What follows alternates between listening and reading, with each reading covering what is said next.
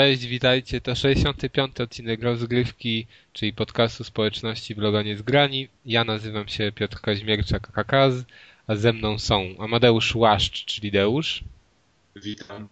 Arek Ogończyk, czyli Kaskad. Cześć. Piotr Kuldanek, czyli Kuldan. Ahoj. Maciej Ciepliński, czyli Razer. Cześć. I Marcin Abramczuk, czyli Altairus. Witam. Jest, udało się za pierwszym razem bez powtórek Brawo. Zapowiedzieć całą naszą szóstkę. Dobrze liczę, dobrze liczę. Deusz właśnie kable poprawiał złote, żeby mu nie przerywały, bo coś ostatnio się działo nieciekawego u niego. Kabel, mam jeden. Przepraszam, ten złoty kabel, złotem naznaczałeś teraz. No to jedziemy z newsami. Assassin. Assassin, ile tych asasinów? Ja mam wrażenie, że to jest jedyna seria chyba, znaczy to jest jedna z serii, które się doczekają wie, większej liczby sequeli niż Final Fantasy. O, jeszcze no, nie, tak. jeszcze nie, to nie jest ta sama skala.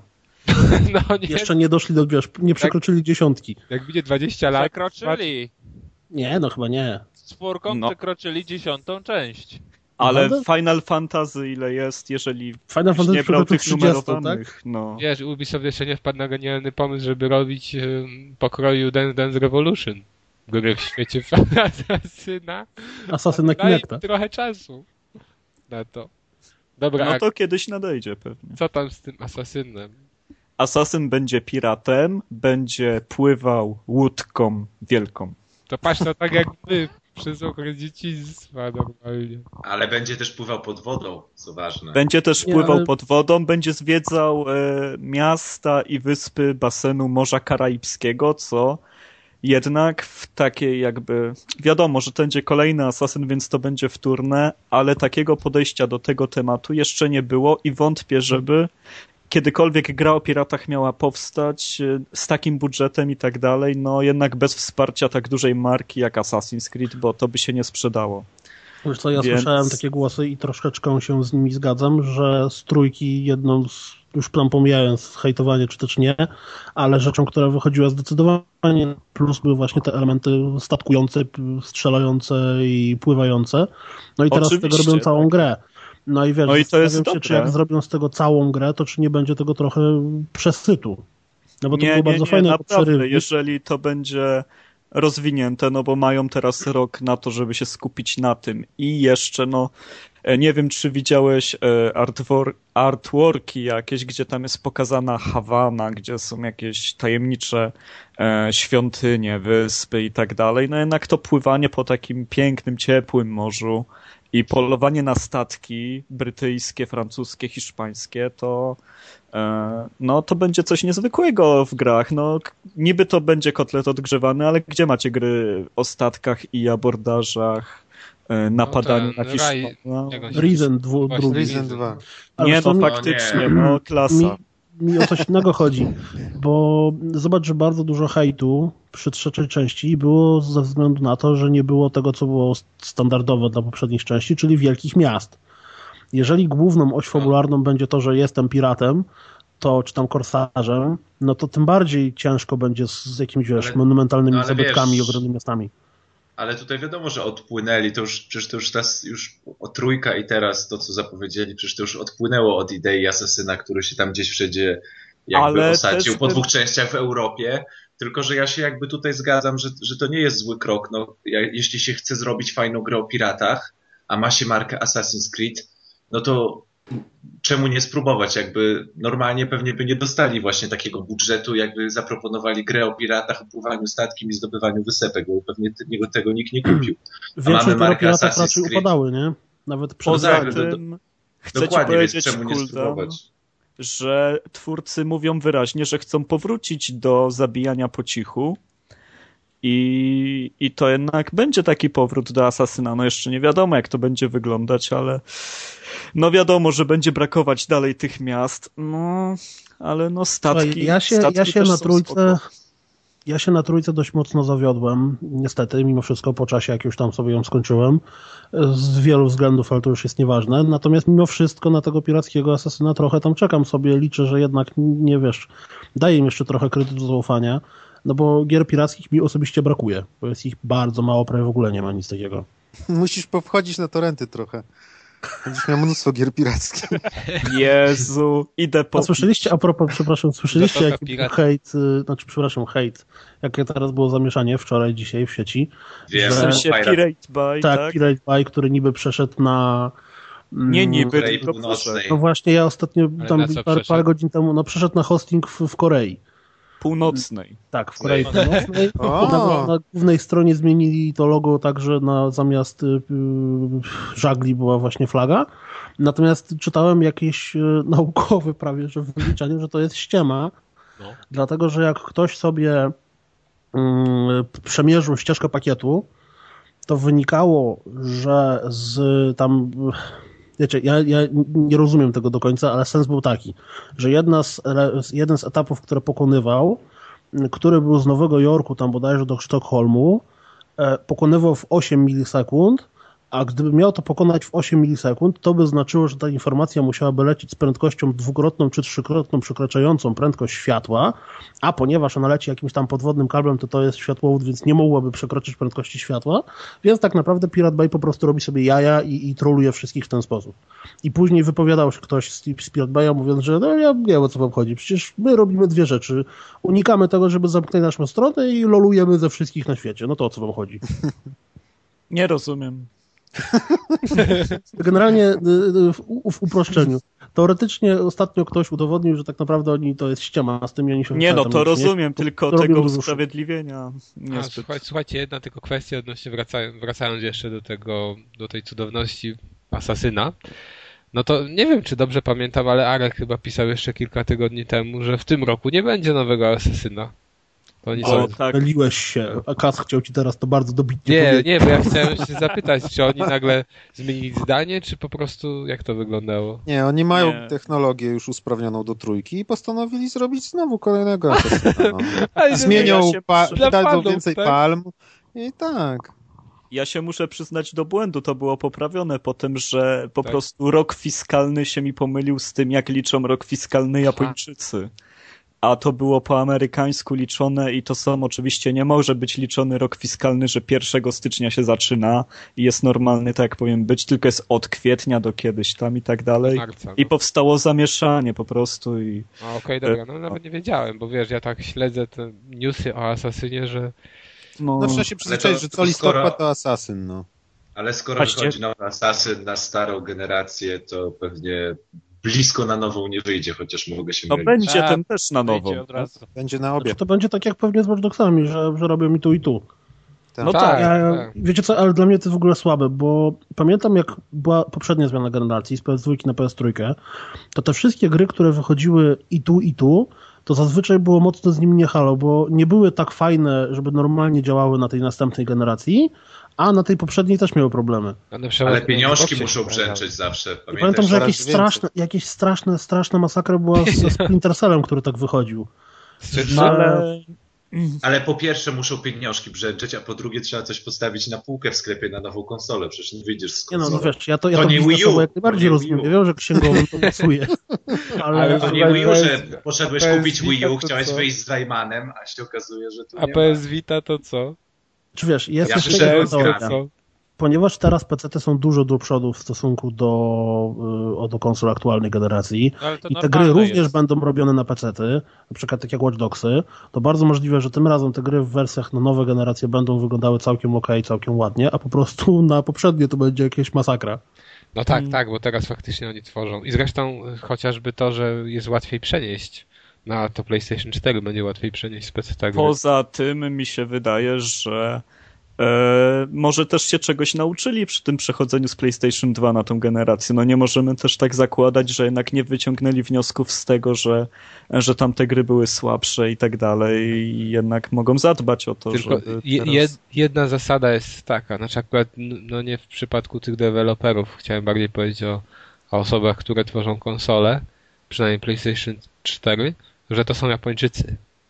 Oni mają tendencje do nowoczesności takie trochę no, inne niż my. Nie no, wiesz, no PlayStation 4 nie robił już Japończyca tak do końca, tylko robi no No Cerny. ten projekt to, Więc to nie jest Japończykiem. Ale no, siedzi w Japonii, no.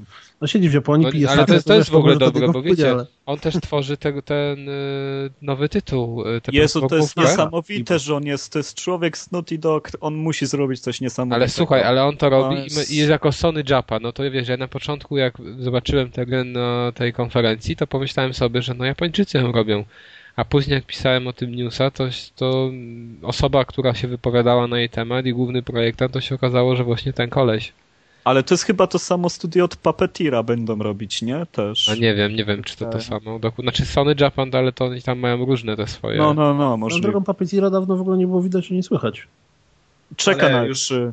Ale już No, nie, nie, nie, jakoś chyba, nawet- chyba były pokazy na prasowe, bo były pokazy prasowe, bo widziałem, czytałem jakieś te artykuły, że tam ludzie chyba grali, bo i grali w Puppeteera na PS Vita i w tego nowego Killzona.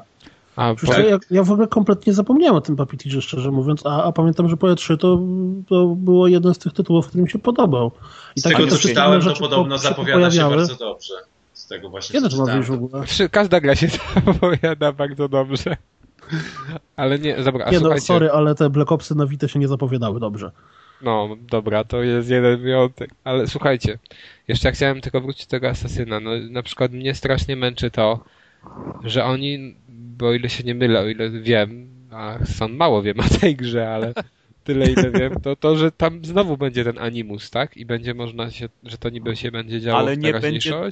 Desmonda. Nie będzie Desmonda, tylko będzie jakiś tam pracownik y, Ale będzie to Upster- jeszcze głupsze. Upstergo. Ale co to kogo obchodzi? No, chodzi mi tylko o to, że dlaczego nie mogą kurczę z tym zerwać i zrobić po prostu gry o piratach, która będzie się w 100% działa w świecie w tamtym okresie i w tym świecie właśnie No, piratów. ale ale wiesz, wiesz, muszą mieć choćby te dwie cieniutkie nitki, które to będą łączyły z marką Assassin's Creed. Tak, No, ale to no wiesz, no mogą grę, mieć grę o Asasyna. piratach kompletnie bez tego, to, nie, no to mogą co? mieć asasyna, ale po prostu bez teraźniejszości. No czy to jest jakiś problem byłby? No dobrze, Kas, ale czy to jest taki problem wytrzymać te 20 minut gadania o tym, że bogowie greccy, angielscy, włoscy, hiszpańscy, Nie, ale- są w jaskini w Ameryce i Ale z wiesz, niej ale, nadają na świat? No. ale mi o to nie chodzi, tylko bo to tam nawet, nawet nie wiem, powiem szczerze, bo nie skończyłem żadnego asasyna. Chodzi mi Jezu. tylko o to, że mnie na, na przykład irytowały te, że mi psuło klimat w tych grach to, a grałem chyba w trzy albo dwie, że jak sobie chodzę po tym starym y, mieście, no nie wiem, które to było, i widzę nagle, że mi się wyświetlają, wiecie, no jakieś dziwne ikonki z tego animusa, czy że nagle ta, ta sekwencja staje przerwana, Ale czy inne takie rzeczy. ale... To mi to psuło odbiór. Ale wiesz, Ale to to jest, trochę, głupie, to jest nagle- trochę tak, jakbyś miał problem, że w Final Fantasy walczysz z wielkim żelkiem, No właśnie, to- albo z Ale jak to jest no zaraz, no wiesz, no masz, masz grę, która się dzieje w realiach historycznych, teoretycznie. Nie, nie, Nie, no, ona w tak naprawdę się symulacji dzieje w realiach realiów No historycznych. dobra, no to w symulacji realiów historycznych No i masz historyczne jest postacie, jesteś niby tam w tamtym świecie, tam żyjesz i, i nagle ci wyskakują nowoczesne Ej, czy rzeczy. uważasz, czy uważasz, że teraz y, po zrobieniu tych tylu części Assassin's Creed'a oni by siedli, zrobili i zrobili to bez ani- Animusa, pojawiłyby się pytania, gdzie Animusa, oni No, ale, powiedzieli, ale słuchaj, ale nie, się ten, poprzednie 8 gier to była głupia fabuła, głupia ale komu, ale komu się ten animus podoba? No im się podoba. Jezu, no Trzeba iść w zaparte, trzeba iść za... A przepraszam, a wychodzi, wychodził Smuda, mówił, że ma z reprezentacją polską z czym pracować, wychodzi Fornalik, mówi, że ma z czym pracować, a wyniki na boisku są jakie są, no. Przecież Wiesz, Tak, nie możesz chodzi- się przyznać do błędów własnego dziecka, no. No dobra, no ale możesz wymienić skład, no i oni mogą no, wywalić te sekwencje, no na, na cholerę mi to. Nie, to, to nie jest właśnie wymienienie składu. Zmiana, jak walenie animusa to tak jakbyś piłkarzy przeniósł na koszykówkę. O, wiesz, to- Wiesz, oni, oni na maksa rzeźbią, dlatego że w każdej części te, te rzeczy poza grą samą w sobie, to co tam robiłeś Desmondem w pierwszej, drugiej, trzeciej, to za każdym razem było co innego, łącznie z tym, że w którymś z tych, tych części drugiej to było, wiesz, łażenie w FPP po jakimś nie wiadomo świecie i rozwiązywanie zagadek z portala. Ej, no, no okej, no okej, tylko wiesz, że... oni rzeźbią, te- oni próbują znaleźć coś, elementy- co było dobrego, ale, Ale te, trochę no, im nie no wychodzi. tak, tylko że wiesz, że one, nie, nie wiem, czy tylko mi to psuje odbiór, że ale jak idę po tym... czepiasz Tak. się naprawdę za mocno tego. No wiadomo, że to nie jest Nie no, idealne, ale wiesz, ja- sobie wymyślili taki zamysł, żeby móc łączyć różne epoki jedną serią, no i No dobra, spoko, no, przesadzają, ale no, no co zrobisz? Plus, I tak wiesz, jest to, fajnie. to im w pewien sposób daje pewne ułatwienia. To znaczy, w, w większości sandboxów masz tak, że miasto odblokowuje się te pokolenie. W GTA był most zarwany, który musieli zreparować. A w y, Assassinie po prostu masz zwykłą białą ścianę, do której jak podchodzisz, to mówisz, nie, nie, w tamtej części twój przodek jeszcze tam nie poszedł, nie będziesz tam łaził. No dobra, ale wiesz, to sądzę, że można by było jakoś chociaż nie wiem jak to inaczej rozwiązać, żeby to wiesz, mur postawić. Dobra, nieważne. W Chinach chyba by musiała być akcja. Kolejny Assassin's Creed na murze chińskim. Dobra. Em, Dalej. dalej. Thief. Czy tam Thief. Czy jak to Będzie. się czyta? Thief. Będzie. Będzie reboot, porzucili czwórkę, żeby no być właśnie, ja nie wiem, czy to, fajni. z tego co ja czytałem i jak pisałem newsa, to wynikało, że tak w zasadzie nie wiadomo. Ludzie pisali na przykład o tym, redaktorzy pism, że to jest reboot, ale nigdzie nie było żadnej informacji, czy to naprawdę ma być reboot, a gdzie nigdzie się pojawiło, że to jest czwórka. I jeszcze inne informacje, że po prostu to jest kolejna część, tylko że bez, yy, no bez numerka. No, No, i czy to ma jakieś znaczenie? Nie, no właśnie, Dokładnie. nie wiadomo. W każdym razie y, bardzo ciekawa informacja jest taka, że to będzie robiły Eidos Montreal, czyli dokładnie ci kolesie, którzy robili Deus Exa nowego.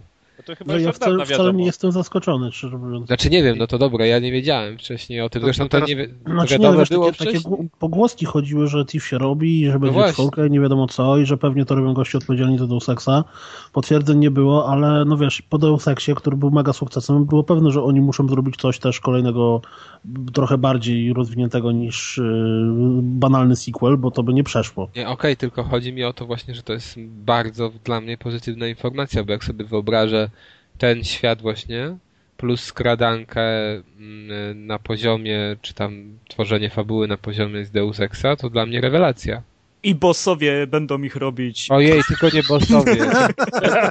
Zlecą tej samej firmie. Ale wiecie, bo CD tam... A Projekt powiedzcie mi, wy graliście, graliście w, w poprzedniej części? Ja w jedną. Czego? Ja trochę w FIFA? jedynkę i w trójkę. Mhm. Ja grałem, ale wie, wiem, że jakaś z tych części była w Ja gazecie jeden. kiedyś.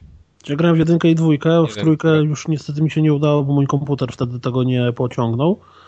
E, I pamiętam, że ja w dwójkę w ogóle grałem dużo później niż ona wyszła, więc nie robiła na mnie żadnego wrażenia graficznego, ale pamiętam, że ta gra klimatem po prostu ociekała. Ona graficznie może i nie była zbyt piękna, ale za to udźwiękowienie miała bardzo dobre. No ale w ogóle, nie wiem, jak ty grałeś w te gry, dwie aż, z tej całej trójki, to chciałbyś powrotu w jakimś stopniu? E, oczywiście. Tego, co nie tam robi było? mi specjalnie różnicy, czy to będzie reboot, czy czwórka, bo to raczej nie ma co się spodziewać kontynuacji jakiejś fabularnej. Ale wiesz, chodzi mi o to, czy te rozwiązania, bo ja tam, powiem szczerze, że naprawdę grałem w jedną i mało z tego pamiętam. No, Pewno nie skrada... Skradanka. fajna skradanka. Dokładnie, skradanka w dodatku, w dodatku z, z widokiem z oczu. Niezły klimat na pewno. No Można teraz- uzyskać w taki sposób. Nie no, Jak klimat będzie świetny, tym bardziej, że widzieliście te screeny, one tam No właśnie, ja jak patrzę na te screeny, to jedyną grą, która teraz z tych, które ostatnio wyszły, się kojarzy, to jest Dishonored, no. Dokładnie. No, bo to, bo to miasto jest takie, że jest połączonym z... Magii i steampunku, no to Tak. No ale wiecie, no jak Dishonored wychodził, to też- wszyscy mówili, że on jest y, takim Thiefem moralnym thiefem, nie? No, no. Że to industrialne miasto Duchowym z, następstwem. o. z drugiej strony jakby takie też widać średniowiecze, fajnie to wygląda. Mi się akurat bardzo podoba taka koncepcja, ale no ciekawe, zobaczymy. Jeżeli zrobią to na poziomie fabularnym Deus Exa i rozgrywki, to ja jestem jak najbardziej... A czy w Tiffie Za zawsze ważniejsza była rozgrywka od fabuły? Nie no, fabuła też wcale nie No była wiesz, taka. ale tu już jak będą to na pewno teraz na fabułę postawią. W tych czasach... nadzieję, Też mam mam taką nadzieję, że, nadzieję. Mam nadzieję, że znowu będą strzały z piaskiem, gdzie trzeba będzie strzelać i potem skakać po tych kubkach piasku. Ta, żeby- i z mchem strzały. Z Tak. mchem były najfajniejsze. I z wodą jeszcze, do gaszenia latarni. Ja się zastanawiam, czy oni z tego zrobią, no bo Thief poprzedni to był taki, no Dishonored to jest dobre porównanie, bo to była jedna gra dość intensywnie mm, FPP, a Deus Ex jednak y, dość mocno od tego odchodził, przynajmniej dla mnie i tego jak ja grałem w Deus Exa. Ale od I ciekawy odchodził? jestem, no Deus Ex nie był W Tifa jakbyś się uparł, albo w Dishonored, to mógłbyś grać jak w grę akcji. Prawda? Tak stricte. No w Deus Exa niby też faktycznie. I tam nawet były głosy, ja tak nie grałem, może dlatego mam inne e, inne wspomnienia. I ciekawy jestem, czy Thief będzie bardziej teraz RPG-iem, czy będzie jednak takim, wiesz, skradanką w FPP. Nie wiem, ja sądzę, że, że będzie to podobne właśnie do Deus Exa. Poza tym y, w trójce można w TPP było grać bez żadnego problemu. Aha. Ale to, ale wiesz, Ale- ale czy to coś zmienia? Znaczy, to wiele zmienia. To tak jak w, dajmy na to, w Skyrimie zupełnie inaczej się gra z widokiem TPP a FPP. No nie wiem. No nie, nie, nie sądzę, żeby coś takiego tu wprowadzili. Skoro na screenach jest tylko pokazany ten pierwsze i nie no w sumie są, no ale to są tylko widać, że te obrazki są tam, gdzie on, gdzie Nie, no to pewnie będzie e- e- FPP raczej chyba. Czy nie, ale mi chodzi o, o samą sobie strukturę gry. Czy to będzie, no bo Deus Ex był RPG-iem, tak? No ale Już wiesz, to, no, jak był oglądany, to jednak miałeś questy, dodatkowe questy, jakieś tam no i zadania, tak to było będzie. kilka. No, No a w Thief, ym, Thief był bardziej takim, no może nie Czystą jakimś skradanką. Super, czystą wiesz, ale skradanką, gdzieś po prostu w tam, poziom, wchodziłeś na poziom i go przechodziłeś. ale czym miał być w tamtych a, czasach? a pierwszy Deus Ex? No a dobra, no ale to było wcześniej niż pierwszy Deus. Był wiem, no, wyjątek. System Shock był jeszcze wcześniej, przed Tiffem. A one jakby nie było, są w pewnym sensie połączone ze sobą. No ja mam wrażenie, że to jednak nie będzie tak, jak ty mówisz, w tym, w to, że to nie będzie tak uwarunkowane, że poziomy i przechodzisz sobie. Zresztą nie chciałbym, żeby tak to Wiesz, wyglądało. No, Dishonored w pewnym sensie też taki był. Dishonored nie miałeś otwartego świata, niesamowitej ilości subquestów, czy tam jakichś misji pobocznych, tylko miałeś tak naprawdę etap za etapem, etap za etapem. I tak ja zobacz, jak przeszło. No, dla mnie ja jeszcze Przeszła nie grałem. dobrze. Dobrze? No mi się ona Mi się bardzo wydaje- podobała i generalnie Nie, ale do, tylko- do Ale No bo to wiesz, niektórym na o- tym o podcaście sequelu. się podobało Deadly Premonition. No, No, powinno się wszystkim podobać. no, ale chodzi o to, że no, na przykład mi się wydaje, że Dishonored jest zapomnianym tytułem z zeszłego roku. Znaczy ja pamiętam, że jak on wyszedł, to generalnie była mowa, że raczej się dobrze sprzedał. Nie wiem. No w każdym razie ja bym chciał tutaj coś bardziej otwartego. Żeby to były subquesty, żeby sobie, wiesz, żebyś miał miasto otwarte i żebyś mógł sobie trochę po nim pochodzić. No ja też bym wolał. Jak ja ono też tak wolał właśnie wygląda. coś takiego. Jak na screenach, no to rewelacja. Bardzo bym chciał, wiesz, w ten klimat wejść. I to jest w ogóle gra, przynajmniej z tych informacji, które udało się zdobyć póki co, która jest tworzona tylko i wyłącznie na, na nową generację. Tutaj nie, nie, nie wyczytałem nigdzie wzmianki o, o starszych sprzętach. I bardzo Na dobrze. Wii U? Na Wii U też chyba nie było. Było napisane, wiesz, no, a jak? na nową generację, czyli na Wii U, prawda? Ja czytałem tak, że właśnie to, to dziwne było, bo było napisane, że PC, PS4 i New Generation Consoles. Consoles. Czyli Xbox. Znaczy Xbox, tylko dlaczego Consoles? I tak zacząłem się zastanawiać, czy nie chodzi o Wii U, ale z drugiej strony no to by wpisali to Wii U. A może... Może Panasonic czas szykuje. No, Uja! No, wiecie, to ja Uja, myślę, że Panasonic ten- na rynku konsol nie powiedział ostatniego to słowa. może Wii U Next Generation wyjdzie. Jakieś- Wii U HD. No Wii U. Wii Nintendo U. przejdzie na dwuletni HD+. cykl tworzenia I hardware. co, Wii U HD to po prostu będzie czarne Wii U, czy o co chodzi? Jest czarny Wii U już. Tak? Już jest Tak, czarne Wii U? jest, jest, to jest to No to lepsze. premium jest. To, to w ilu kolorach jest już Wii U? W W dwóch. Ale to widzę, że śledzone są, widzę losy. Aha. No nie, no wiesz, no trzeba zresztą. Nintendo Direct to są najlepsze filmiki w sieci w ogóle. W historii wszystkiego. To mogę gwarantować, że... Ale tak. Jak mi ostatnio Iwata wyszedł w stroju Luigi'ego w tej czapce, to przecież Czyli naprawdę... już tylko czekam, aż ktoś założy na Facebooku jakąś grupę. Oglądam Nintendo Direct dla Beki. No, jak Miyamoto gonił się z, z, tym, z kim on się tam gonił, Arku? Gonił się. Z Iwatą? Z, no z Iwatą właśnie się Iwatą. gonili. Przecież ja to po prostu ja mam popcorn, kolę i oglądam. Nie? I chłonę. Po japońsku oglądam po każdemu, no. Trzeba wszystko wiedzieć. No, no zresztą po co te Japończycy mają taką siłę wyrazu, że nie trzeba rozumieć języka, a wiesz o co chodzi. Wara, wara. Okej. To co, to przechodzimy sobie do newsa tygodnia, czyli do tego typowego dla rozgrywki zresztą, newsa. Żółwie Ninja otrzymał Zepsułeś ten. Suspens. Suspens. Nowy tak. trailer. A chodzi o to, że nie wiem, czy w ogóle wspomnieliśmy na podcaście, ale będą nowe żółwie ninja. No, Wszyscy, na pewno fani, nie wspominaliśmy. wszyscy fani, wiesz, już klęczą teraz. Z jednej strony klęczą w podziękowaniach, że będzie nowy tytuł, a z drugiej strony klęczą Activision, Activision nie zrób krapa. Bo oczywiście za nowe gry, bo będą gry, a nie gra, odpowiada Activision. I Ale studio, wiem jakie Właśnie. studio będzie odpowiadać. Dawaj. Będą ludzie od Mushroom Wars, od y, portu na Wii Force Unleashed 2 i jeszcze coś złego zrobili to też. śmiać czy płakać. w tym. Więc to jest naprawdę ich szansa na wybicie Więc się. to mogłeś o tym prostu. Myślę, że to z- zdolni, zdolni programiści będzie kawałek kodu, co? będzie kawałek. Ja myślę, że oni skończą na komórkach ostatecznie. Albo na intrze.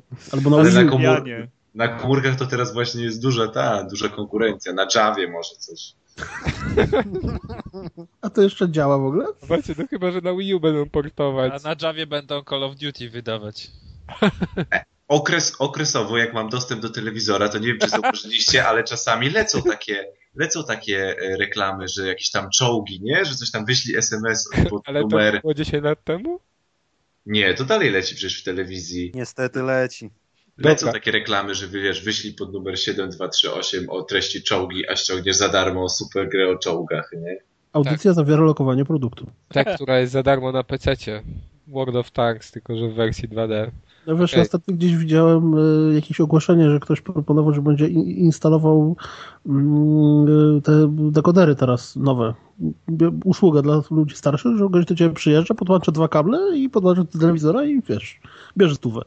No, no. no Jezu, są takich to bić po twarzy, nie? No naprawdę, bo... No ale wiesz, ale nie wszyscy sobie z tym radzą i z jednej No. strony to jest... No to można im 150 pomóc normalnie, nie? A. No tak, Dobra, no ale jak nie ma kogo, po, nie, ma, nie ma kto im pomóc, to wtedy niestety, ale takie usługi są w cenie. Zresztą na tej samej zasadzie możesz powiedzieć o komputerze, że ktoś nie potrafi sobie z nim poradzić.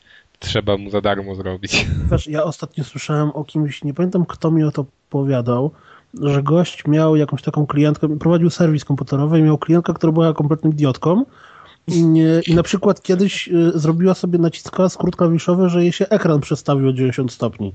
Wiecie, można, można tak robić. On do niej Ale to przyjechał, wiesz co, to ja do tej pory to. takiego skrótu nie odkryłem, to ona musi była, musiała... Nie, no, ale wiesz, ona, ona przypadkiem go zrobiła i myślała, że jej się coś zepsuło. On przyjechał, zobaczył to, ponieważ wiedział, że wystarczy nacisnąć tam, wiesz, Ctrl Alt strzałkę bodajże. tak, To znaczy, u, no to chyba to jest coś z kartą graficzną. To, to ja muszę zabrać komputer na, do serwisu. Zabrał, trzymał go trzy dni, przestawił go z powrotem, po czym no, wiesz, skrótem klawiszowym, po czym zainkasował od niej, nie wiem, tam 500 czy 600 złotych. No wiesz, są i tacy. Nowa karta graficzna, proszę Jezu, to są Polaczki, nie? No, ale to, jest straszne akurat. I jeszcze ze starszych osób y, naprawdę też ściągać pieniądze to już w ogóle. Dobra, żółwie ninja. Ale zobaczcie... Żółwie ninja by ich zjadły i pocięły. Ale słuchajcie, Kijem. e, to ma być w ogóle download, czyli tylko do ściągnięcia tytułu. Czy już wiadomo, że, Download. że będzie, Download. że klasa, klasa musi być download, czyli marna. Ale... Mam Była nadzieję, kadra- mam Była nadzieję, że będzie za tysiąc... Ninja. Tak, była, była. Krak, Download. down. Że co było? Ona się chyba Download. Crown, Cracking Town, czy coś takiego. Tak, tak. tak, ale ona była w opcji download. Mega krap. Okej, Tak. dobrze. W każdym razie mam nadzieję, że nie będzie kosztować 1800 czy 56 czy 9 zł, tylko Nie, że ja za właśnie- 18. Właśnie jak Na będzie za pewno. 800, to ja od razu dwie, dwie kopie. Ta, za 18. Żeby wspomóc twórców, żeby nie wylądowali na Activision Javie. będzie za 60. Ale słuchajcie, no ten trailer się pojawił, no tam nic w zasadzie no nie widać, tylko jakby filmik, a nie rozgrywkę, takie ma się wrażenie. No wygląda to całkiem okej. Y, Sam serial, bo to jest na podstawie nowego serialu, który w zeszłym roku powstał i cały czas e, no jest on air na Nicolidion, Kurna, Nicolidion jakie słownictwo dzisiaj. On rare, dan download. Ma, ma, czy, czy masz hołpa, że to będzie good title? Best title ever. Okej, Kałabanga ever. no, Rules. Karawan. Rules. Can, can we go to another topic, please? No, we can. Next. No nie, no moment. Serial jest całkiem fajny, chciałem tylko tyle powiedzieć. Masz Nickelodeon? Nie mam Nickelodeon, czy... Aha, Nawet czyli nie wiem, ściągasz z internetu. Patrzę, oglądam, to nawet chyba na tej stronie Nickelodeon. Nickelodeon? To chyba jest. Ale Ale- opcja download czy stream? Nie, on air. Stereo. Tak. Nie, Dolby Digital. Dobra, nie no, w każdym razie widziałem chyba trzy albo cztery odcinki. I powiem całkiem szczerze, że to są żółwie na miarę naszych czasów. No, początkowo anim... Czy, czy, czy nasze czasy potrzebują wcale jakiegoś mnie nie zachęciłeś do nich. Znaczy w sumie jak to powiedziałem, to teraz się zastanowiłem, że to muszą być żałosne, jak na No czasów. Ojej. Ale nie, no są... Myślę, że nadzieją dla Polski jest profesor Gliński, nowe żółwie ninja. Tak. Że on wprowadzi, widziałem w dubbingu polskim, straszny jest. E, No ale oglądałem to po angielsku generalnie i e, to jest całkiem dobry serial.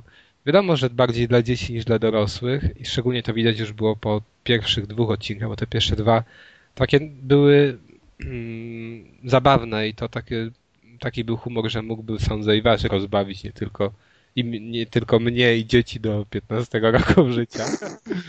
W każdym razie ta, te postacie żółwi są na, naprawdę fajnie zarysowane i mi się ten serial podoba. E, mam nadzieję, że te, ta gra będzie w tym klimacie, no i że to nie będzie no, to kolejny krab Activision, zresztą to ma być bijatyka z tego, co widać po trailerze. No, oby wyszło fajnie. Na Dobra, pewno. no, Activision, Activision jeszcze nigdy mnie nie już zawiodło. kup mi na gwiazdkę, kod na żółwie. Dobrze. No. Jedziemy sobie chyba teraz, co? Już newsy zostawiamy. Przechodzimy do gier. E, Dead Space 3. Kontrowersyjna recenzja na naszej stronie. Autorstwa Arka, który już został z błotem. Jak to się mówi, zmieszany. Stłamszony, poniżony. I teraz się będzie bronić. Teraz będzie próbował. Wypuścić lwy.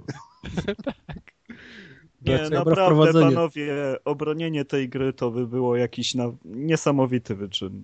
To jest, to jest takie dno AAA, ja, jakie naprawdę można sobie tylko wyobrazić. A, a, to jest VVV.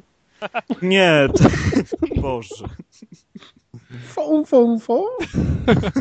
Downloadable? Bibi. Nickelodeon? Nie, w każdym razie mikrotransakcje na to, żeby sobie złożyć lepszy pistolet na ławce, która nic nie mówi, nic nie daje, składasz sobie broń, nic nie, tak, nie wynika. tam jest tak kup sobie lunetę za dwa złote? Tak, tego typu rzeczy są. Znaczy się kupujesz paczki materiałów, dzięki którym możesz, prawda, e, sobie złożyć lepszą broń, ale jeżeli tego nie chcesz robić, to musisz zdobywać lód. Oczywiście zdobywanie lutu w horrorze jest tak pasjonujące i klimatyczne, że e, chodzisz po planszy, leci na ciebie jakiś brzydki potwór, wygląda tak samo jak w Dead Space 1 i, i co? Strzelasz mu w rękę, w nogę, pada. Tak, bo, bo w głowę jest trudniej trafić, znaczy się mniej, mniejsze wrażenie robi na nim to, że dostanie w głowę niż w rękę. E, więc Ale w ten powiedz- sposób. To jest tak, Tak. samo, że jak on, na przykład jak celujesz, to on tak, no jak w tym pierwszym Dead Space'ie, że jest tak z bliska bardziej pokazany i jest po prostu ch- chwilę musisz poświęcić na to, żeby wycelować, czy to jest takie na hama, biegniesz, biegniesz, biegniesz i jak w Nie, no, strzelankach nowych. takie tempo, no jest podkręcone tempo, ale też, no bez przesady zależy jaką masz broń, prawda? Bo ja jak sobie zrobiłem Zależy, lunetę, jak kupisz. No. Zrobiłem sobie mega lunetę, e, wtrącili mnie do środka jakiegoś wielkiego robala, który jest antycznym martwym robalem, ale jak wlazłem do niego do środka, to ożył. W środku miał oczywiście gluty, z glutów wychodzili czarni niby ludzie wychudzeni. no. Biegli na mnie, ja byłem w korytarzu, mia, miałem tą lunetę, nie mogłem w nich wycelować, bo biegli za szybko. Tam się po prostu działy, działy takie rzeczy, że, że no, do, jako DLC do Mass Effecta w sam raz, ta, tak jak pisałem, a, a nie jako nową grę, bo, bo to było już taki żal. A, a jeszcze przy okazji fabuła była okropna. E, gdyż no, kosmiczny romans, ten nasz super hydraulik, który umie wszystko naprawić, To Polak. e, to jego kobieta gdzieś jest w jakiejś na jakiejś misji, szuka wie, tych wielkich robali. Angielka na pewno. Jak Polaka kobieta hydraulika, to Angielka, bo francuska, no. Co tam dalej? Rozbiłeś mnie, Kas. I w, I w każdym razie no fabuła jest okropna, te postaci nie da się na nich patrzeć, nawet jak spojrzysz na screenie, jak wygląda ten nasz główny bohater, to nie wiesz o co mu chodzi, nie wiesz czemu on w ogóle leci na drugi koniec galaktyki, latać w kosmosie Ale za jakimiś mutantami. masce, nie? Nie, on niestety zdejmuje tą maskę i, Aha. i pokazuje swój urok, naprawdę on wygląda jak jakiś George Clooney po ciężkich narkotykach, nie, to jest tak, tak złe. To jest bardzo złe, co on robi. No, Jak on wygląda? w- W ogóle w tym koopie? Tak, grałem też w kopie. No to Jak masz wtedy strzelankę. Mój kolega, mój kolega mnie nie lubił chyba. Nie chciał się, nie chciał ze mną rozmawiać. No jak mu kazałeś w Dead Space 3 grać. Ale y, nie, nie, to był przypadkowy człowiek, który miał nieszczęście na mnie wpaść. To może też był wściekły. No. I w momencie, kiedy ja do niego dołączyłem, chcę iść dalej, no to nie, bo on zbiera lód, czyli chodzi po planszy i depta ciała, nie? I nieważne, czy to są ciała ludzi, czy potworów, trzeba do nich podejść, nadepnąć i wyskakuje z nich amunicja, magazynek. I tak idziesz i deptasz, deptasz. Clever. To trochę jak ten, trochę jak w Super Mario. No, no nie, bo nawet oni, wiesz, e, potem się nie ruszają, nie możesz ich strącać, nie są jak żółwiki w Super Mario. Można I- im wyrwać skorupę i tam rzucić do przodu, czy nie? Nic z tych rzeczy. To, e, tam naprawdę Jeden na tylko dziesięć.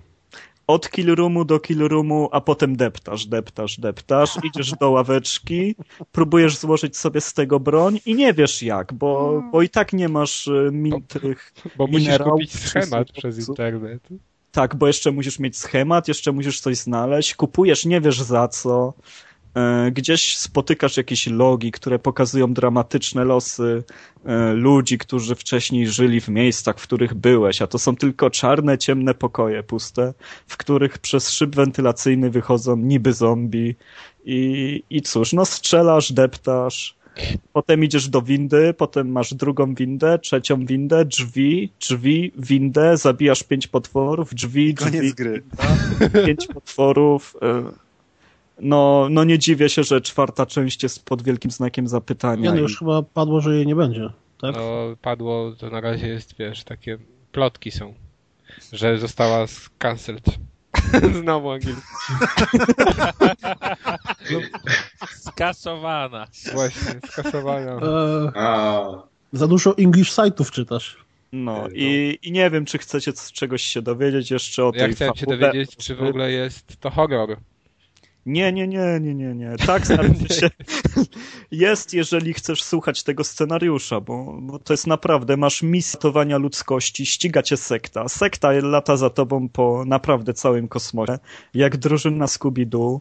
E, Maj, mają do ciebie pretensje, ty jesteś hydraulikiem, a oni mają pretensje, że zrobiłeś Że rurę źle tam przetkałeś. Odkryłeś jakieś, wiesz, artefakty pradawne, które teraz działają przeciwko ludzkości, wyzyskują ludzkość. Oni chcą, żeby ludzkość zginęła cała i się odrodziła naturalnie potem, bez tej całej złej technologii obcych, która jest przez ciebie, a nie przez obcych. Więc ścigają cię i... Jezu, dlaczego ci okropna ludzie nie umieją wymyślić jakiejś innej koncepcji sekty? Za każda sekta w grach to chce po prostu, nie wiem, zagłady świata i odbudowy na nowych zasadach. Wiesz co, ale ja ostatnio A tak czytałem, nie bo, jest? Jak to sekta. Jak to sekta? Bo pojawia się w tym, w Xtremie raz na jakiś czas, chyba co miesiąc, takie nazwijmy to fabularne wytłumaczenie całej właśnie jakiejś serii gier. To wannie czytałeś? Tak, w wannie dokładnie, bo to najlepsze do czytania w wannie. E, I ostatnio e, był właśnie znalazłem coś Space. lepszego, ale... Wiesz, to, to co masz w zakładkach? Na laptopie? zakładek, Jedna tak. ze stron ulubionych. Nie, nie, nie zbaczajmy na ten W temat. każdym razie, w każdym razie No, Jak myślisz, co kupiłem tableta? No to może jednak zboczmy trochę. Nie, no to szybko powiem tylko, że tak samo jak w przypadku Killzone byłem super zaskoczony tym, że całe to uniwersum Dead Space'a jest mega rozbudowane, w ogóle tam historia to się dzieje na przestrzeni tysięcy lat. Też się ogóle- okazuje, że ksenomorfowie są dobrym bohaterem tak naprawdę. No nie, tu akurat nie, ale Że to za wiesz, Ale źródła ten- inżynierii genetycznej. No dajcie mu skończyć. nie, no to bez sensu, znaczy ja tu nie mam nic sensownego do powiedzenia. Tylko, że po prostu fabuła Dead Space'a jako całego uniwersum jest super mega rozbudowana i skomplikowana i rozpisana na jakieś Ale książki, a, jak, a jakby... komiksy No i nie wiadomo co Poza grą, czyli ona, czyli ona się dzieje poza grą. Tak. Tak, tak, to jest wszystko poza grą, bo kiedy Nie wchodzisz do gry, Czyli to, jak to- Gwiezdz, czyli to jak film Gwiezdne Wojny w Gwiezdnych Wojnach, tak? Ale to ostatnimi czasy bardzo popularne jest. Y, Dajmy na to w Gears of War też masz przecież te książki. No wiesz co, dopowiadają. zabiło, zabiło mnie autentycznie, nie jestem w stanie tego zrozumieć swoim, widać mam za mały mózg, że wyszła książka Crysis.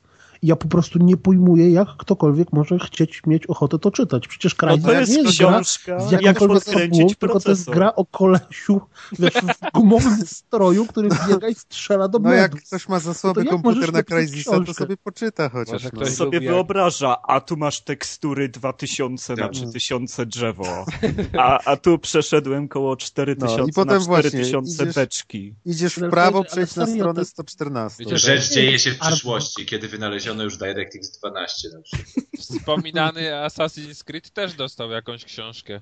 Nawet Że- dwie chyba. Czy- No, tak... dużo w. Assassinie, w Assassinie ta historia była, załóżmy, na przykład w tych, w tych drugich częściach, to tam była nawet spoko.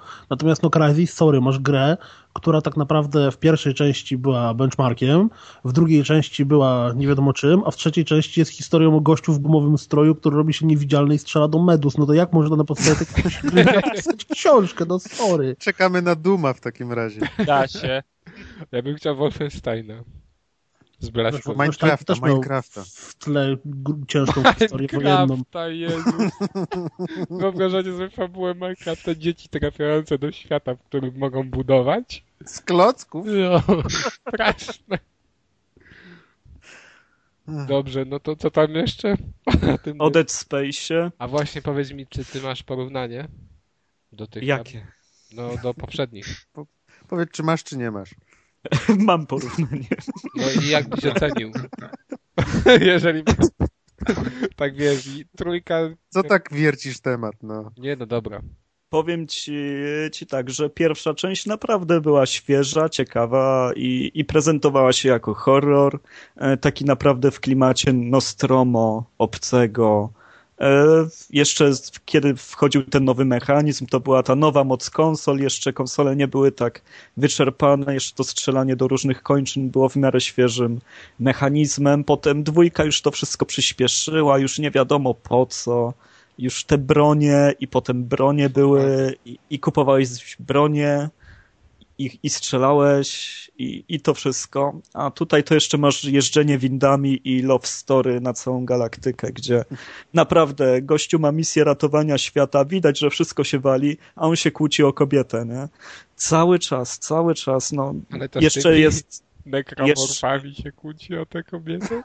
nie, bo on, bo on jedzie na misję, gdzie ta jego kobieta, ex, jest ze swoim obecnym facetem. To I życiowe on jest- problemy są, słuchaj. I on jest taki, wiesz, A czemu, a czemu go rzuciła? Jest powiedziane, czemu go rzuciła? no, Deusz To już dwie części czekasz, żeby się dowiedzieć. no to Deusz, musisz zagrać w grę, naprawdę. A, Na końcu jest bossa się Już, słuchaj, pokonuje ja niedługo jest... zagram, to ci powiem. a to ja jeszcze mam, to ja mam takie jeszcze, jak już się zbliżamy do końca, to mam ostatnie pytanie. Mam wolny wieczór i mam dwie opcje. Dead Space 3 czy Ale- Żółwie Ninja na Nickelodeonie? No to Żółwie Ninja na, na On Airze. Żółwi, wieczór, żółwi ninja spać. zawsze na propsie. Zawsze wybierasz Żółwie Ninja w ogóle. Nie, nieważne, co by się działo. Ślub- wieczorem i w południe. Ślub czy Żółwie Ninja? Ale po angielsku. Stawiaj na żółwia. No ale wiesz, gorzej jakbyś zapytał, czy wybierasz partnerkę jeszcze Donatello, no. Powiedzmy.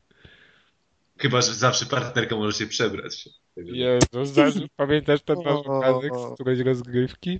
Pamiętam. Bico Ninja?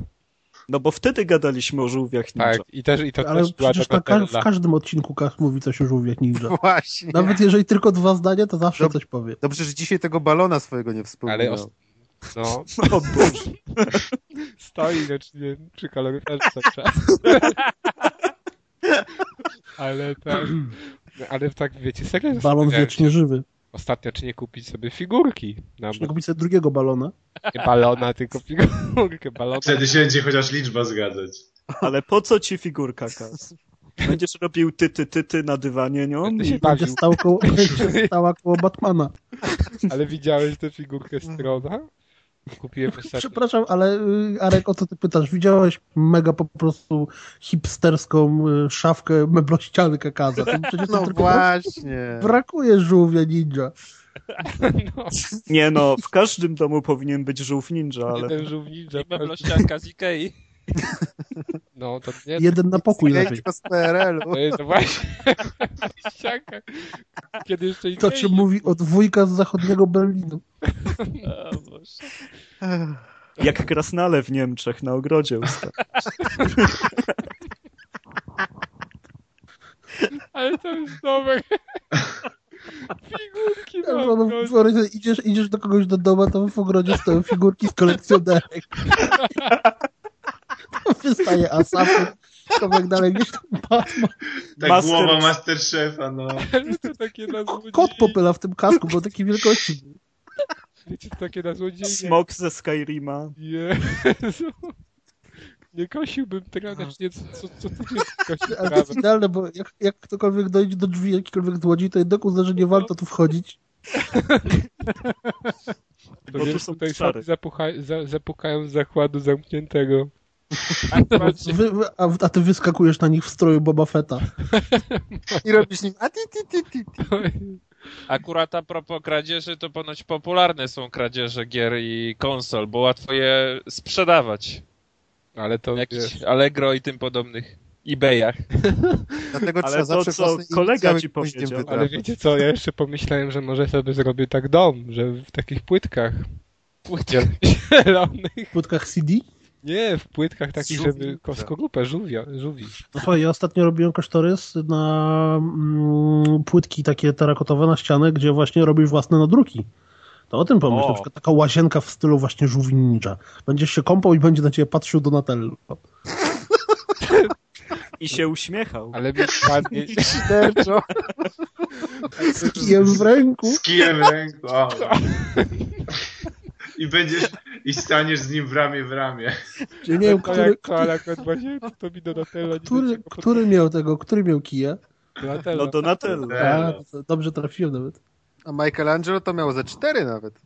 Nie, Michael, Michael... Co on miał nunchako? No to cztery kije, Cztery kije. No, A, Albo i pięć. dawał... A był naj, najbardziej ostry z nich wszystkich. O typu Raffaello. No właśnie, Raffaello był najbardziej No, no ale, no dobra. A potem zrobili z niego ten, cukierki kokosowe, to w ogóle. Nic nie generalnie wniosek ostatnich 10 minut. Płytki z Donatello są dużo fajniejsze od Dead Space. I figurki stawiajcie na trawniku. Lepiej wydać na Donatello niż na Dead Space'a. Ale ten motyw to, słuchajcie, tak jak zawsze są te zdjęcia jakichś takich pokojów prawdziwych hardkorowców. Tam ostatnio nawet kręcił jakiś taki, znaczy latał po sieci jakiś obrazek mm, z broniami z Halo, czy tam Halo. No to myślę, że motyw z, z figurkami z kolekcjonerek w ogrodzie to wszystko przebije. No tego nikt nie zrobił jeszcze. O Boże. Okej. To gdzie byliśmy? Dead Przy Space. Dead Space. Dobra. Mm, Devil May Cry. Maćku, skończyłeś czy nie? Nie, A gdzie jest? Ale- chciałbym. Jestem mm, po tym, jak była wymiana zakładników w, porcie. Aha, no to mów, co tam masz? Co ci leży na sercu? Kogo wymieniłeś za kogo? Laskę za, za taką Za drugą, niby, niby tak. laskę. no... Nie, znaczy nie wiem, to może ty zacznij, bo ty masz taką historię z Devil May Cry'em i w ogóle już przeczytałem recenzję, więc wiem, że to leży ci tak losy tej serii na sercu, więc może ty zacznij. Tak, ja lubię biało... No dobra. Nie. Okej. To było dziwne. Białego misia. Biało... Czy Biały śnieg. biały miś. No biały to każdy Dla lubi. dziewczyny arku biały misia. Okej. A. No, dobra. y, No więc Devil May Cry. Pamiętacie te pierwsze zapowiedzi? Wszyscy byli na total, no większość osób była na nie. Jak zobaczyli głównego bohatera, który, no, no jak ja go zobaczyłem, to też po prostu byłem absolutnie na nie. No i pierwsza rzecz, którą chciałem powiedzieć, to taka, że nie działał mi na nerwy przez całą grę. I to jest na plus nie, nie ma, no nie, no nie był odrzucający. Tam miał jakieś śmieszne, zabawne żarty, aczkolwiek no niektórych fanów to wpieniło. Wpienił jeden motyw, który jest na samym początku, więc chyba go mogę powiedzieć. E, Gdzie, Spoiler. no, gdzie O, spada, szmata na głowie. tak, gdzie szmata mu spada na głowę mm, w postaci peruki białej i wygląda zupełnie, czy podobnie jak Dante z pierwszej części. I, znaczy z tych pierwszych w ogóle. Z pierwszych trzech. No i, Czterech. no, no dobra, no ale A, czterech, tak. No, nieważne. W każdym razie z tych wcześniejszych Devili i tam mówi, że tam nawet nie za milion lat. I no to na pewno. Ale pozwól, Gaz, że ci przerwę, bo wiele osób myślało, że ten twórca gry robi swoją podobiznę, No tak, bo on podobny faktycznie jest. a ostatnio na tym PlayStation Meeting on na łyso był ścięty. Nie tak, wiem, czy, dokładnie. czy to zauważyliście.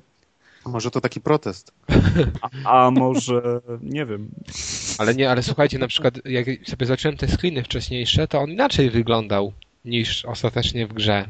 No tak, był bardziej ćpunem. Tak, był bardziej jakby on wyglądał, jak miał makijaż w ogóle na tych wcześniejszych. A On był taki właśnie gwiazda emo. rocka, taka... A on tutaj jest tak Emo. cały czas się podkreśla, podkreśla, podkreślane jest to, że on lubi kobitki. I non stop jest, ci, ci przeciwnicy też do tego piją, e, że on taki macho jest, no, że tak powiem, eufemistycznie, e, bo tam jest bardziej dosłownie. To co on robi? Cip, cip, cip. A, a cip, cip, cip to kury nie robią czasem? No Nie wiem, dobra. Ok, To się robi do kur chyba. To się robi. Nie, No dobra. tak robią. Do Nie kur się robi koko, koko. Kury macie w Poznaniu. Mamy kury. Nieważne. Em, no dobra, no bohaterowie nie odstraszają. No i to jest pozytyw, nad którym, znaczy, który był dla mnie ważny, bo się tego bardzo bałem, że mnie ta gra odrzuci swoim em, settingiem, swoim klimatem.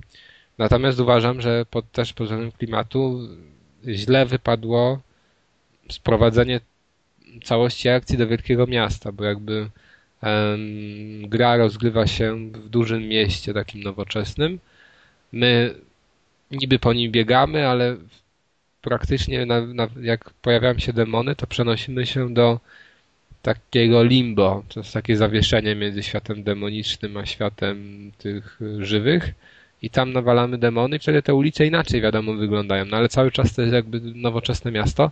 I to mi tak klimatycznie nie podpasowało, szczególnie jak sobie wspomniałem jedynkę, która była, w, która się działa w ogromnym zamczysku, gdzie muzyka to podkreślała, była taka właśnie, no nie wiem, czy to dobre określenie, gotycka e, i tak dalej. I to było bardzo, bardzo fajne. A tutaj tego nie ma. I To naprawdę moim zdaniem jest słabe. Znaczy słabe, no wolał, wolałbym, żeby inny setting był trochę niż tu. A powiedz mi, już tak trochę a propos settingu, ja pamiętam z jedynki coś, co na mnie zrobiło gigantyczne wrażenie. Yy, Stara gra, to nie będzie spoiler. Pod sam koniec, jak y, przechodziło się przez piekło, bo tak to bodajże było nazwane, i nagle z piekła wychodziłeś do tego ostatniej lokacji, tego ostatniego zamku, Znaczy to tam, no to gdzie, to, no, gdzie leciałeś już jako? No bo tam na koniec, ja pamiętam Yy, ostatnią scenę, gdzie... znaczy jak o, przechodziłeś do tego zam, do tej, tej takiej jakby sali tronowej no dobra. i tam wiesz, piekło było tak jakby żywe, tam były jakieś serca, coś Aha, tam było, wszystko tak. pulsowało, nie? Po czym nagle wychodziłeś, wchodziłeś do sali tronowej i tam było marmury, anioły, nie wiadomo co, no to to robiło designem mega wrażenie. W, w, tutaj jest podobnie, czy to jednak Nie. jest dużo, dużo gorzej? To jest dużo gorzej. Po tym właśnie o to chodzi, że ta gra jest pod... Ona jest inna, no. No nie, ona jest inna, ale dobra, no to może skoro mówimy o wizualiach, to skupmy się na razie na wizualiach.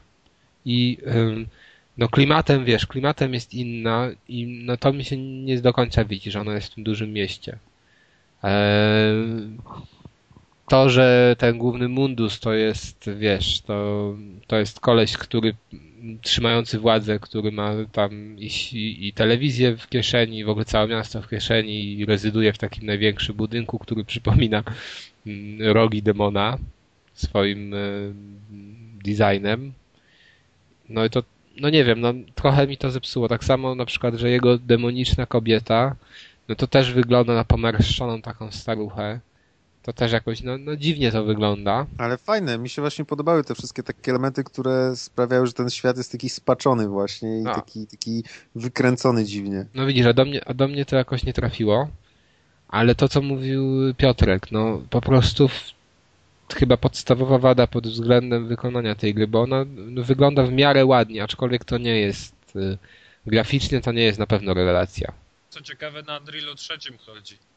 Nie wiem, ale ona nie wygląda, jakbym miał określić ją tak kategoriami bardzo fajnie, średnio, źle, to ona jest średnia. A tekstury się doładowują? E, chyba nie, ale nie zwróciłem ja- uwagi, bo ja w tam ogóle grałem- większość... No, Ja grałem na PC, więc ja w sumie nie narzekam i mi się bardzo podoba, jak to wszystko wyglądało. Chociaż większa to jest zasługa No. y, stylu artystycznego niż jakby samych technikaliów. No, technikalia moim zdaniem nie były dobre, ale to, co ty mówisz, Marcinie, to powiem ci szczerze, że nie zwróciłem na to uwagi, więc sądzę, że czegoś takiego nie było. Tyle, że tam się większość akcji dzieje w zamkniętych przestrzeniach, albo w takich przestrzeniach, gdzie masz dużo otwartego terenu i ciężko, żeby coś się nagle zaczęło dorysowywać. Ale właśnie w tym rzecz, że Unreal potrafi nawet w najbardziej zamkniętych pomieszczeniach doczytywać tekstury. No, Dlatego pytałem. Wiesz co, no ja na to nie zwróciłem uwagi. No wiesz, na przykład w takich grach GTA czy coś, to ja to widzę. Ale tutaj ym, nie, nie jestem w stanie powiedzieć, czy to było, czy nie. Ja tego nie zauważyłem. Jak nie widać, to dobrze. No, e, w każdym razie to, co tutaj razi i bardzo razi na minus, to wykonanie tych wszystkich pomieszczeń na przykład, bo tam, bo wygląda to tak, że generalnie to jest wąski korytarz, który my idziemy z punktu A do punktu B, w którym są stworki i je naparzamy. No typowy koridor.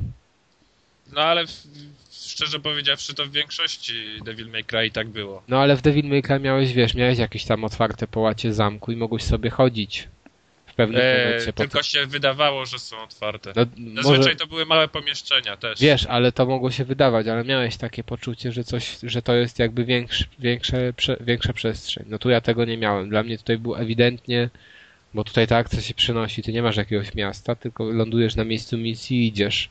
I cały czas brniesz do przodu. E, I to, co jest dużą wadą, no na przykład jesteś powiedzmy w takiej starej rezydencji, bo jest taki dom stary i tam e, te pokoje, one wszystkie tak samo wyglądają. Tam nie ma żadnych zmian między przechodzeniem z jednego do drugiego. Tam one są w ogóle bardzo puste. Tam nic nie ma. To nie, to nie ma co sobie na przykład grałem mnie też Maxa Payne'a ostatnimi e, dniami i jak tam wchodzę do pomieszczeń, to mam pełno różnych pierdół dodatkowych, które po prostu są. Tu nie ma nic. Można to zwalić na to, że niby jesteś w tym limbo, czyli w tym świecie, który jest tak pomiędzy, ale no, no bez jaj, no tam nie ma nic. I to, to, to akurat mi bardzo psuło odbiór tej gry. Ja tych wizualiów całościowo, no tak samo na przykład mi psuło to, że większość rzeczy, że te miejscówki, one są w zasadzie w gruncie podobne. Dopiero później większe wariacje występują. I wiecie, co jest ciekawe? Najlepsze miejscówki to są te, w których ja widzę ewidentne wzorowanie się na przykład na Sudzie i na Lollipop Chainsaw, czy na... No dosłownie, bo są takie miejsca, gdzie na przykład do takiej trafiasz stacji telewizyjnej i nagle masz wszystko w takich niebieskawych barwach, wszystko tam normalnie razi aż. I no, mnie, no, Momentami się przez, przez jakby przez program biegnie telewizyjny. No, to tak też to- było fajne. Wśród liter się skacze. I to, I to właśnie mi się sko- skojarzyło ewidentnie z Sudą. Albo, albo w, w dyskotece to, co się dzieje, gdzie tam jest bitwa z, z bossem niby i No, się no, nagle bo tam jest coś takiego... jakieś takie, wskakuje się w świat jak strona jakiś wyjęty, gdzie są jakieś świetlne pomosty, biega się, Dokładnie. wszystko pulsuje w rytm muzyki, jest kolorowe i w ogóle, to jest super. I Takie. właśnie to są najlepsze fragmenty, a gorzej wyglądają te, gdzie masz, gdzie macie, wiecie, standardowo na przykład kamienice w mieście i pomiędzy nimi biegasz, albo właśnie starą jakąś tam rezydencję, to ono wygląda źle. Najlepiej wyglądają Znaczy- te pokręcone. To, no tak, tylko te, to, co ty opisujesz jako miasto, to też, nie wiem, no jest to, można temu zarzucić, że to jest korytarzowe, ale mi się bardzo podoba, jak to wygląda, bo przede wszystkim w tym Devilu mnóstwo rzeczy się rozpada. Kiedy, kiedy Dante przychodzi z tego rzeczywistego świata do limbo, to nagle wszystko się kruszy, rozpada, łamie, sypie, wszędzie się pojawiają odłamki, te budynki się nagle przewracają, zawisają w powietrzu w pół takim y, rozsypaniu właśnie. Y, Pojawiają się jakieś takie czarne, świecące plamy jak jakiegoś oleju, jakieś takie czarne kamienie, y, co tam jeszcze. Mnóstwo jest takich, takich efektów. y, Du, duchy ludzi na przykład pojawiają się takie jakby przebłyski w limbo świata rzeczywistego, czy coś. I To coś jak w Bajonecie? Nie wiem, bo nie grałem w Bajonetę. A, bo ja grałem w Demko, ale tam właśnie było dokładnie tak samo, że Bajoneta też się działa tak jakby w takim zawieszeniu i, i właśnie było widać takie jakby cienie niby ludzi, którzy tam sobie chodzili. w Trochę tak, jakiś, świecie. jakiś taki dmucha wiatr, pojawiają się, jak się przechodzi na przykład koło tych czarnych plam rozlanych, to z nich wychodzą takie kolce, które się kierują w stronę Dantego, jak on przechodzi, to on tam się obracają. Jest taki, mi się wydaje, że ten świat właśnie, on jest pusty jakby ze względu na to, że tam nie ma mnóstwo jakichś właśnie szafek, krzeseł, coś tam, samochodów czy, czy coś, ale z drugiej strony mm, jak na Limbo, to mi się bardzo podoba, jak to wygląda. Jest y, przede wszystkim y, super to to jest z jednej strony bardzo kolorowo, ale nie jest tak, e, wiecie, no, dziecinnie kolorowo, tylko jest fajna paleta kolorów. Zresztą to, to widać na trailerach. Mi się już po pierwszych trailerach spodobało, jak, jak to wygląda, a te porozwalane kamienice, to wszystko i y, dotychczas, do tego momentu, gdzie przyszedłem, to mi się bardzo podoba, jak to wszystko wygląda. No, A jak jest z cięciem przeciwników? Ale to, to jeszcze tylko moment, dobra? Bo chciałem Aha, dokończyć, okej. że fajne właśnie jest to, co Maciej powiedział. Tylko on to powiedział jakby, że w momencie przechodzenia, ale tutaj bardzo często w grze jest tak, że nagle ulica się zaczyna rozszerzać, wiecie, że idziecie, idziecie, a nagle bum. Jest taki rozstrzał i pomiędzy jednym fragmentem ulicy a drugim wyrasta przepaść. To A- nawet Albo- w demie było. Al, albo No. jak się biegnie do jakiegoś wyjścia, ona zaczyna uciekać od ciebie. Już do No, niego uciekać, dobiegasz, nagle właśnie. korytarz się rozłamuje i to wyjście się odsuwa jeszcze dalej, więc jeszcze To- je gonisz, a ona tak. znowu się odsuwa. I to jest fajne. I wiecie, i, te, i są takie fragmenty, w których liczy się zręczność i są elementy platformowe.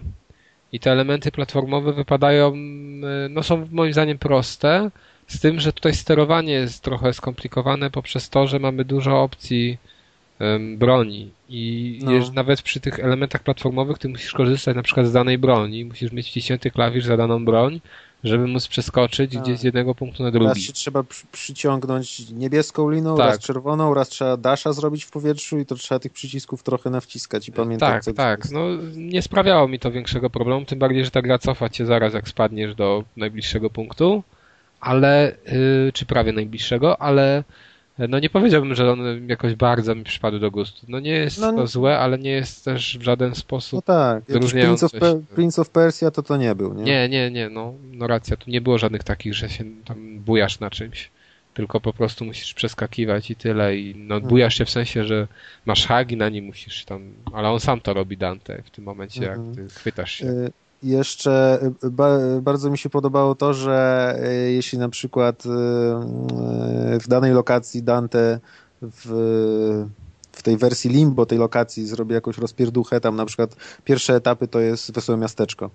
To potem jest pokazane, jak ta rozpierducha tak naprawdę też wydarzyła się w, w rzeczywistym świecie.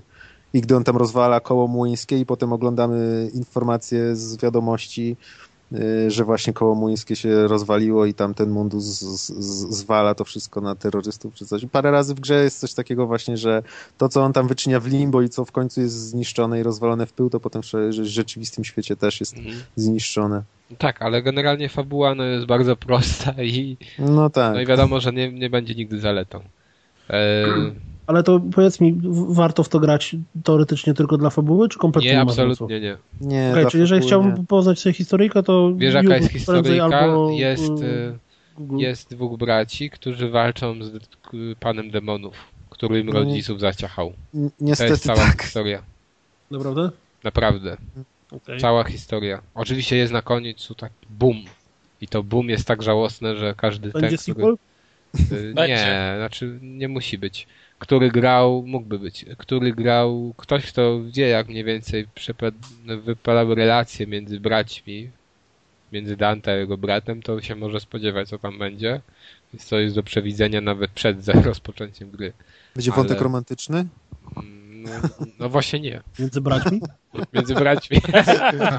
o, I ten, dobra, nieważne. Najważniejszym aspektem, najważniejszym aspektem jest ciachanie. I muszę wam przyznać, że o ile na początku, bo na początku mamy dostęp do tam niewielkiej liczby broni, praktycznie tylko miecza i pistoletów.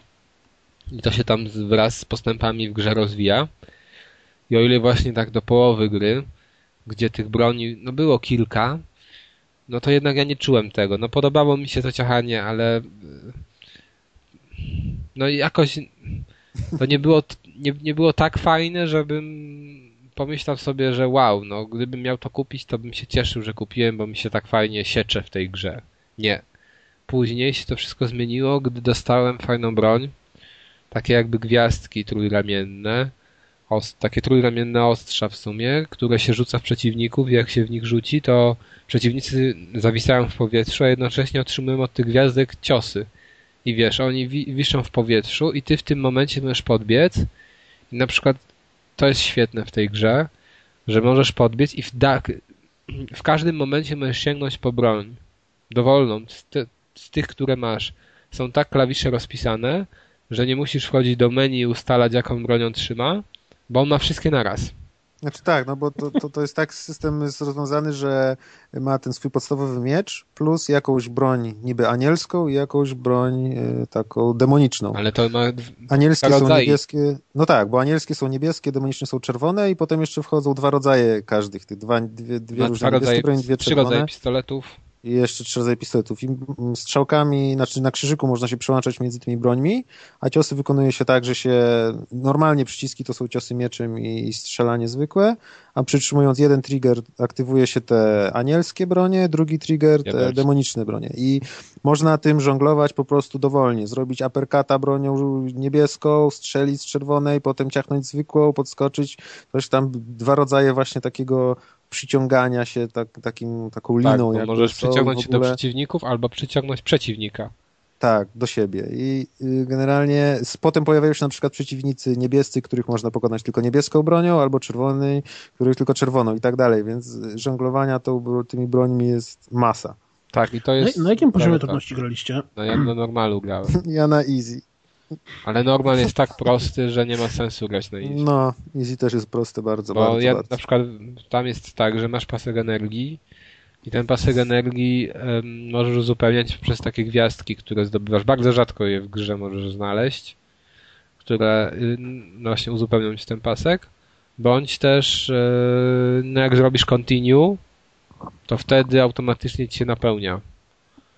I no nie ma żadnych problemów. Ja na przykład gwiazdek odnawiających życie, kawałek życia, no ani razu nie użyłem gwiazdki, która by większy stopień życia odnawiała niż ta taka mała, malutka gwiazdeczka.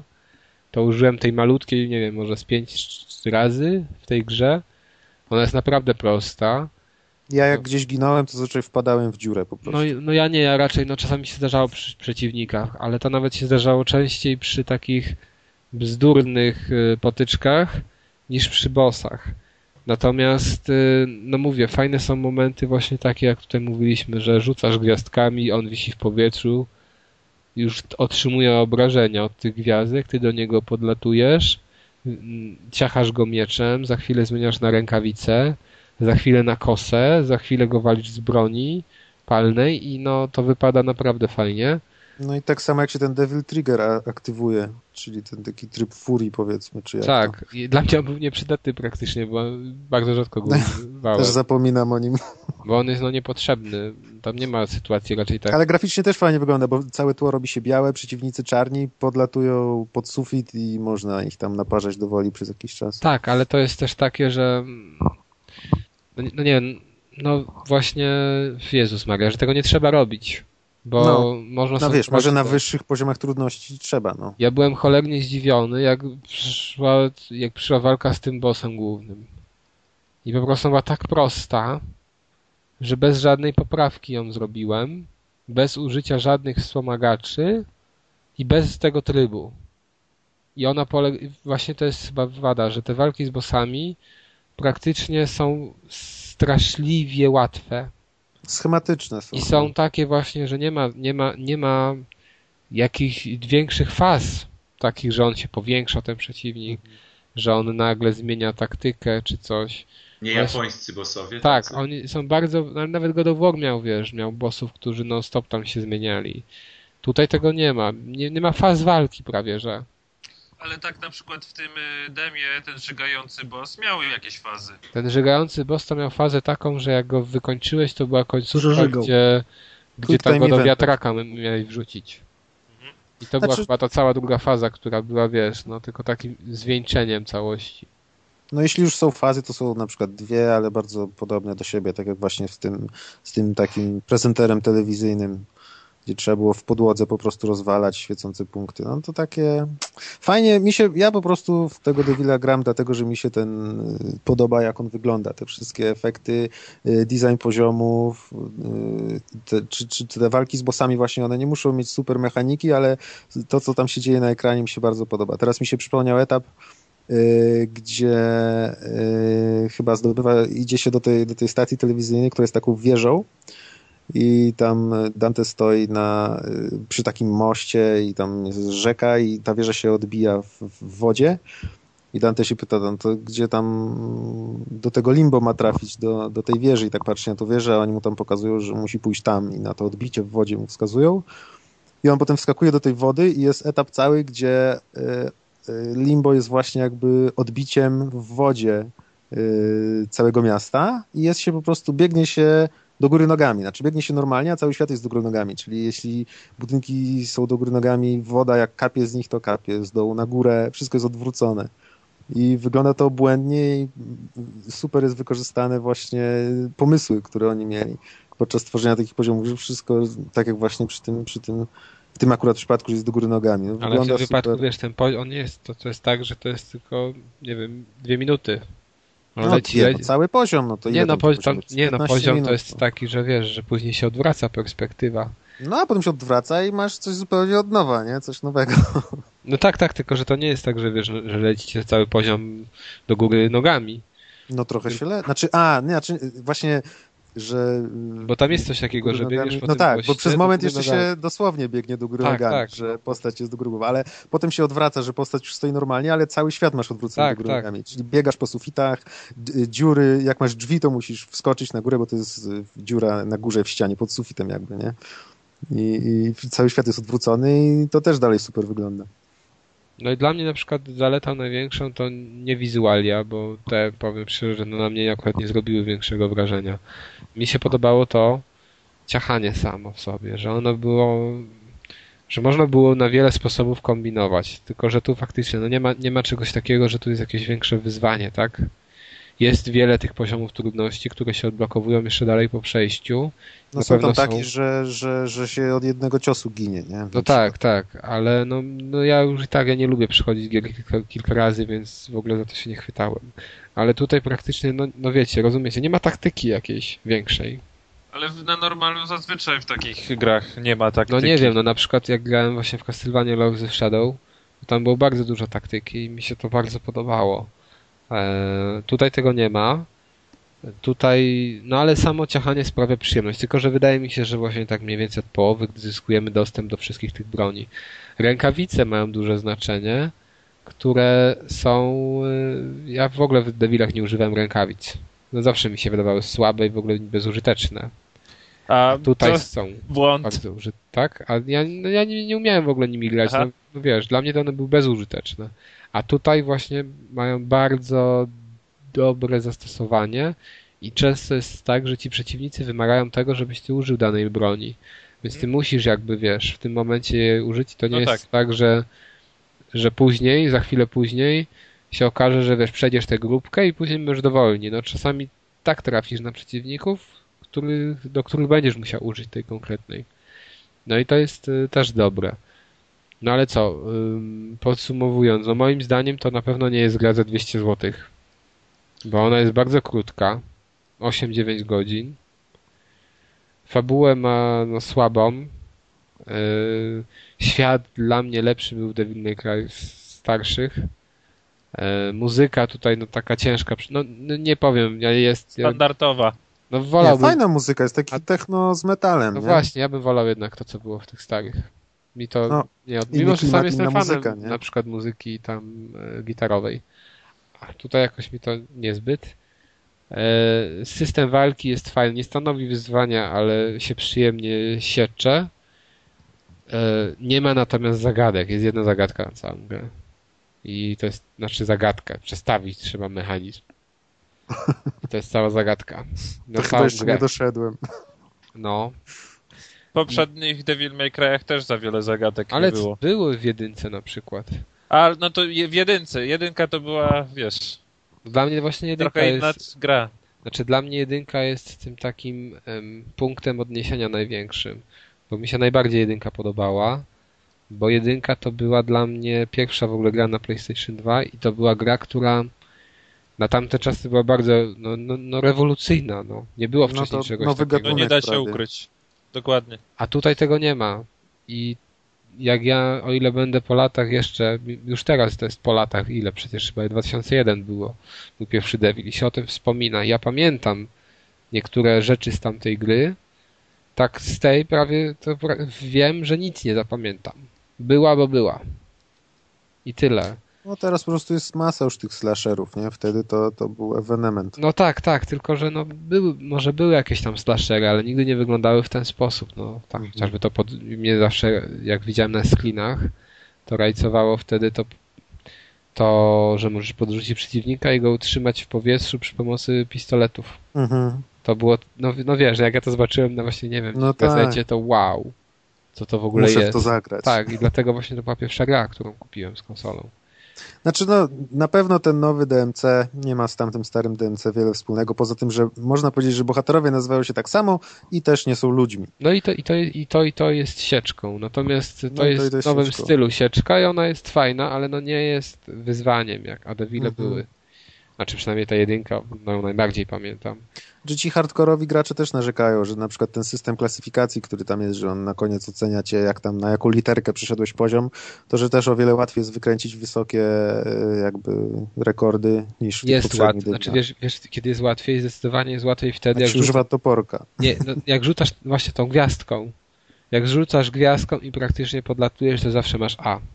Mhm. I to A jest... to A to jest słabo, to trzeba mieć SSS. No dobra, ale A to już jest na przykład A ciężko zdobyć, jeżeli nie robisz tego. A jak to robisz, to od razu masz to A. No. I to jest y, no, dużo prostsze niż w tych starych. Y, No niemniej ja bym to ocenił, że to jest gra no, no taka, że w nią można sobie pograć, jak ktoś ma parcie można. na slashery. Właśnie można. Nie jest to rewelacja. Ja na pewno bym za to 200 zł po tym, jak w nią zagrałem, nie dał. Jest sądzę, mało jest- gier, za które warto by było No tak, Czy ona, tak. ona gadać. chyba teraz dzięki Bogu już nie kosztuje 200 zł, tylko tam. nie Dobra, wiem, ale ja bym dał za nią stówę. Jakbym miał ją mieć na półce. Więcej bym na pewno nie dał. Bo No ja pewnie to... tyle dam. Szczerze mówiąc, ja raczej nie dam stówy, a jeżeli kiedyś będę miał ochotę, to pewnie jak zejdzie jeszcze niżej do jakichś No nie, bo, 50, to, bo to o to 60 chodzi, że to nie jest gra, którą, w którą musicie zagrać i którą, musi, musi, w którą musicie zagrać już teraz. To jest gra, w którą jeżeli macie ochotę, to możecie zagrać. Jeżeli nie zagracie, to nie stracicie nie wiadomo ile. I e, najlepiej w to zagrać, jak ona stanieje. I to mocno stanieje. To jest po prostu kolejna gra Ninja Theory. Oni są No, mistrzami ale, w robieniu ale średnich gier, w które można pograć za 60 zł. ej, no Ale kurczę, jakie fajne twarze robią. i um, Heavenly Sword to były świetne gry. To nie. Dla mnie Heavenly Sword była najlepsza z tych wszystkich Ninja Theory gier. No mi Czy się ja tak bardziej uważam? Enslaved podobał. Mi się bardziej Enslaved podobał, mi się ale może Enslaved dlatego, dla mnie- że w Enslaved, y, bo Heavenly Sword moim zdaniem mm, była grą, która udawała slashera, a miała strasznie słaby system walki, bo moim zdaniem Enslaved, znaczy Heavenly Sword miało słaby system walki, mimo że niektórym się podobał, mi się nie podobał. Enslaved nie udawało slashera. Enslaved tak naprawdę było mm, Był, grą, Chciało być platformówką, a było tak schematyczne, że Przecież to pff, tak naprawdę ja nie wiem, czy platformówką. Enslaved było czymś, jakbyś wziął Uncharted, wyciął z tego strzelanie, a zamiast strzelania zrobił bicie się. To tak naprawdę tym był Enslaved. ale to bicie bo- ci się podobało w Enslaved? No, było takie mech, ale ta, ta, ta, ta, te postaci mi się strasznie podobały. Ja w Enslaved grałem, strasznie mi się fajnie grało ze względu na, na postaci, na tego Monkiego i na, na tą dziewczynę. Serio? Znaczy wiesz, ja na przykład właśnie y, ludzie upatrywali w tej grze to, że ona ma świetny klimat, że ona ma świetnych bohaterów. Ja totalnie tego nie czułem, a pograłem w to zaraz na premierze, e, czy krótko po premierze i no szybko poszła na wymianę ta gra. Heavenly Sword no, zagrałem też dużo, dużo czasu po premierze, za, za chyba 40 zł i jak w to i mi się podobała, ale właśnie podobała mi się taką cenę. No, dla Ja mnie to oni robią gry do 100 zł. Słuchaj, ja Heavenly Sword też kupiłem dobre 3-4 lata po premierze za jakiś bezcen, bo po prostu chciałem to skończyć, przejść, zobaczyć o co chodzi.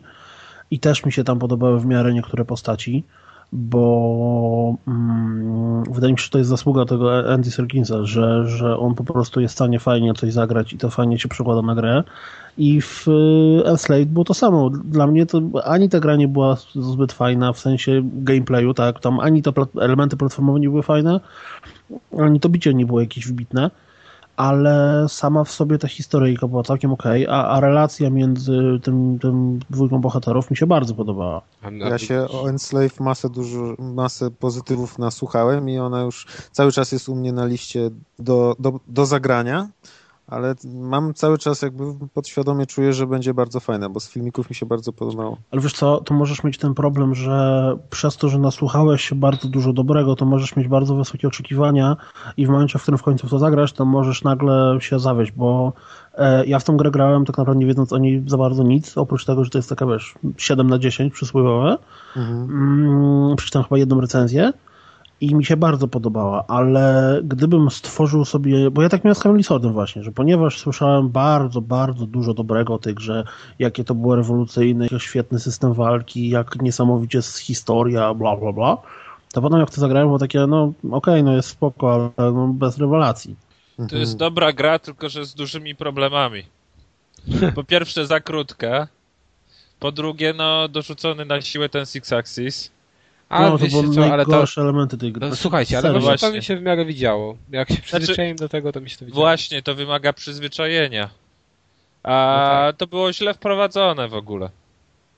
No, no nie wiem, no ale Przecież generalnie... Ale trzeba przyznać, tak że na jak w pierwszym przykład- Uncharted też miałeś Axisa rzucanie granatami. które No, ale ale tam nie musiałeś tego dodatek. w ogóle używać. To, to... Ale trzeba przyznać, że w, na przykład w Heavenly Sword y, animacja postaci była ładna. Na filmikach, rzecz jasna. No tak, no w Enslaved A też właśnie, właśnie, właśnie, właśnie a propos DMC. Jak jest z animacją e, twarzy postaci, jak e, są to nie filmiki? jest ciekawa. Nie jest ciekawie. No ale bo jakie nie są ma- filmiki? Jak... Że filmiki są na silniku gry. No właśnie, nie to- no fajnie są. Znaczy No twarze, moim zdaniem to te zależy, zależy fajnie. które, ale niektóre są super. No, ten Mundus wygląda rewelacyjnie, mi się bardzo podobał. No właśnie, przecież w Heavenly Sword te twarze były prawie że żywe. Nie, tutaj tego nie ma. Znaczy, no były świetnie zagrane wygląda- i no też tak, były świetnie tak. zagrane. Twarze ludzi wyglądają według mnie lalkowato. Znaczy, no bo- trochę, ale trochę może nie- być Przy tym właśnie... nie brał udziału ten Serkins. Nie, Tam chyba nie. Serkis. Serkis. Nie, Tak. chyba nie brał. Y, Z tego co pamiętam, no to właśnie w Heavenly Sword ja grałem tylko w demko, ale widziałem, że te twarze były super, a w, widziałem filmiki właśnie z e, e, no, no z tego Mankiego. Nie mogę z tego obrazka, który będzie na Enslaved. Enslaved, tak. Widziałem filmiki z Enslaved, no to tam lepiej wyglądały twarze niż w DMC. To jednak... E, Co, ja tak, że w Enslaved to, co jest moim zdaniem dość trudne, niezależnie od budżetu gier, e, to całkiem nieźle, jak dla mnie były przekazane emocje. Znaczy, jak patrzyłeś na to, jak ta dziewczyna grała, Mhm. to byłeś w stanie jakoś, no, że tak powiem, instynktownie odczuć, co ona niby przeżywa teraz. mhm, mhm. no tam to było super właśnie. Tutaj, tutaj tak nie jest, co jest dziwne, no bo to robili ci sami ludzie niby, więc technicznie twarze są zrobione bardzo fajnie, ale ta animacja nie jest taka, taka właśnie chwytająca za serce. Dobra, może skończymy, co? Już o DMC. Widzę no, to, to, to z tym żółwiem Deusza obrazek. E, no, nie ma to już sensu. No, dla mnie po prostu to jest gra tylko dobra, najwyżej dobra, za którą nie warto dawać więcej niż 100 zł absolutnie i tyle. No, Ale nie jest to też gra tak. zła. Ja sądzę, no wiesz, Deusz, jak nie zagrasz, to nic nie stracisz. Ale jak zagrasz, to pewnie ci się będzie w miarę podobało. Dobra. Black Ops 2. Black Ops 2 Call of Duty. Grałem ostatnio i muszę przyznać, że się pozytywnie zaskoczyłem. Bo no generalnie wiadomo, tak, Call of Duty. Ktoś grał oprócz mnie? Nie, Świerszcze. Las Rong. tylko ty jesteś odważny. Znaczy nie, słuchaj, ja, ja ogrywam wszystkie gry z Call of Duty, ale ja nigdy w życiu. Ja na premierę. A ja ugrywam No. wszystkie, ale postanowiłem właśnie koniec. Black Ops To- 2 To ja tak jest samo. koniec. Ja tak samo. Ograłem wszystko, co, każdy Call of Duty, które wyszło do Black Ops 2 i teraz już tutaj powiedziałem nie. Prawdopodobnie oczywiście w to zagram, nie? Ale na razie No ja dobry, dobrze nie. mi idzie postanowienie. Znaczy ja nie grałem chyba w World of War, w, jak to się nazywa? World at War? World at War. To, to, jest w to nie grałem. ostatnia część, w którą grałem. Natomiast Tylko Moja ostatnia to, to jest dwójka po sieci, a popularnie. Modern Warfare. Wykruszają się fani. no, znaczy ja absolutnie nie jestem fanem. Ja gram w każdą, bo zazwyczaj ta historia, która tam jest podskazana, no to wiesz, to film... pieniędzy. Nie, nie, broń Boże, ja zawsze czekam y, dość długo A, po na premierze, sta- bo te gry na szybko tanieją w miarę. No co ty No wiesz co, ja znaczy, One ja ją dostałem... Czekasz mu ktoś zapłaci, żeby za nią. One w ogóle nie tanieją przecież. No właśnie, przecież one nie tanieją. Nie, znaczy, słuchajcie, ja nie zapłaciłem za żadną grę z Call of Duty, w którą grałem więcej niż 100 złotych. Ale to na, na prezent dostałeś? Czy... No Black Ops akurat dostałem na prezent, ale no wiadomo, że używki, przecież to kto by kupował... Nie, ale gry z Wiesz, Call no- of Duty nie tanieją, przecież one nawet po dwóch latach kosztują tam No, po 90 zł. To A, Prawda? a w Mediamarkcie to jeszcze moim wiem. zdaniem to są jedne z gier, które najmniej... O, one nie tanieją. One nie tanieją z powodu multi, nie? Dlatego. Tak, tak. Mhm. Aż się ma... zdziwiłem, jak to powiedziałeś, Piotrze. A propos Nie no, nie, no ale serio, ja żadne, żadnego koda nie kupiłem za drożej niż 100 zł. Właśnie teraz spojrzałem na popularnym serwisie aukcyjnym i nówki sztuki są od stówy. Więc y, myślę, że używki gdzieś tam można wychodzić jeszcze taniej. No, No dobra, no ale nieważne. I co? No tak czy inaczej.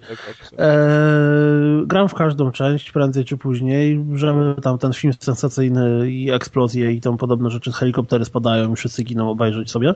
Mm, generalnie jeśli chodzi o gameplay, to grałeś w którekolwiek Call of Duty, wiesz czego się spodziewać. Biegasz, strzelasz, rzucasz granaty, krzyczysz, jesteś generalnie zbrodniarzem wojennym, który zabija kilka właściwie małych armii w przeciągu całej gry. Ale to, co mnie bardzo pozytywnie zaskoczyło i naprawdę się tego nie spodziewałem, to to, że w Black Opsach jest zrobione... ale jest na Fajna muzyka. Nie, słuchajcie, gra się w to w nieliniowy sposób. To znaczy, e, zrobili system, który mm, może to jest bardzo dalekie, ale przypomina coś, z czego wszyscy się tak cieszyli w Walking Dead. To znaczy, w trakcie gry podejmujemy jakieś tam mniej lub bardziej oczywiste decyzje, które wpływają na szczegóły w fabule. Naturalnie, myślę, że przy drugim czy przy trzecim przejściu gry okazuje się, że tak naprawdę to jest iluzja wpływu na fabułę, ale w momencie, w którym grasz? Z tego? nie no wiesz, no Walking Dead z tego był tak najbardziej zasłynął tym, że wiesz, że grałeś w swoją wersję historii. Bo Tak. nie grali w Silent Hill na Wii. Teraz myślę, że oprócz ciebie i innych 10 osób w Polsce to mało kto grał w Silent Hill właśnie. na Wii. dodatku na Wii, tak. No, więc wiesz.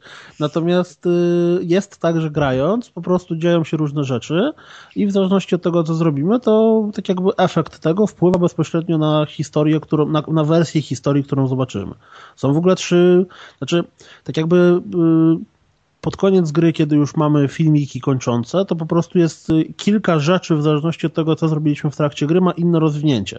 Czyli można zobaczyć tam tak jakby trzy, trzy wersje zakończenia, z czego tak naprawdę każda z tych podczęści zakończenia też może mieć różne rozwinięcie, bo tam Jedno jest czerwone, zginąć. jedno jest niebieskie. Właśnie, właśnie wbrew pozorom nie. E, I to co, to, co mi się najbardziej spodobało, to to, że pomijając tam chyba dwie, dwie sytuacje, to większość tych decyzji, w cudzysłowie, nie podejmujemy na zasadzie naciśnij X, żeby uratować świat, albo naciśnij kółko, żeby zjeść Pegaza, tylko mm, to wychodzi bezpośrednio z tego, jak gramy. Czyli dajmy na to, nie wiem, na przykład jest scenka, w której mm, target misji pokazuje, że trzeba kogoś zastrzelić.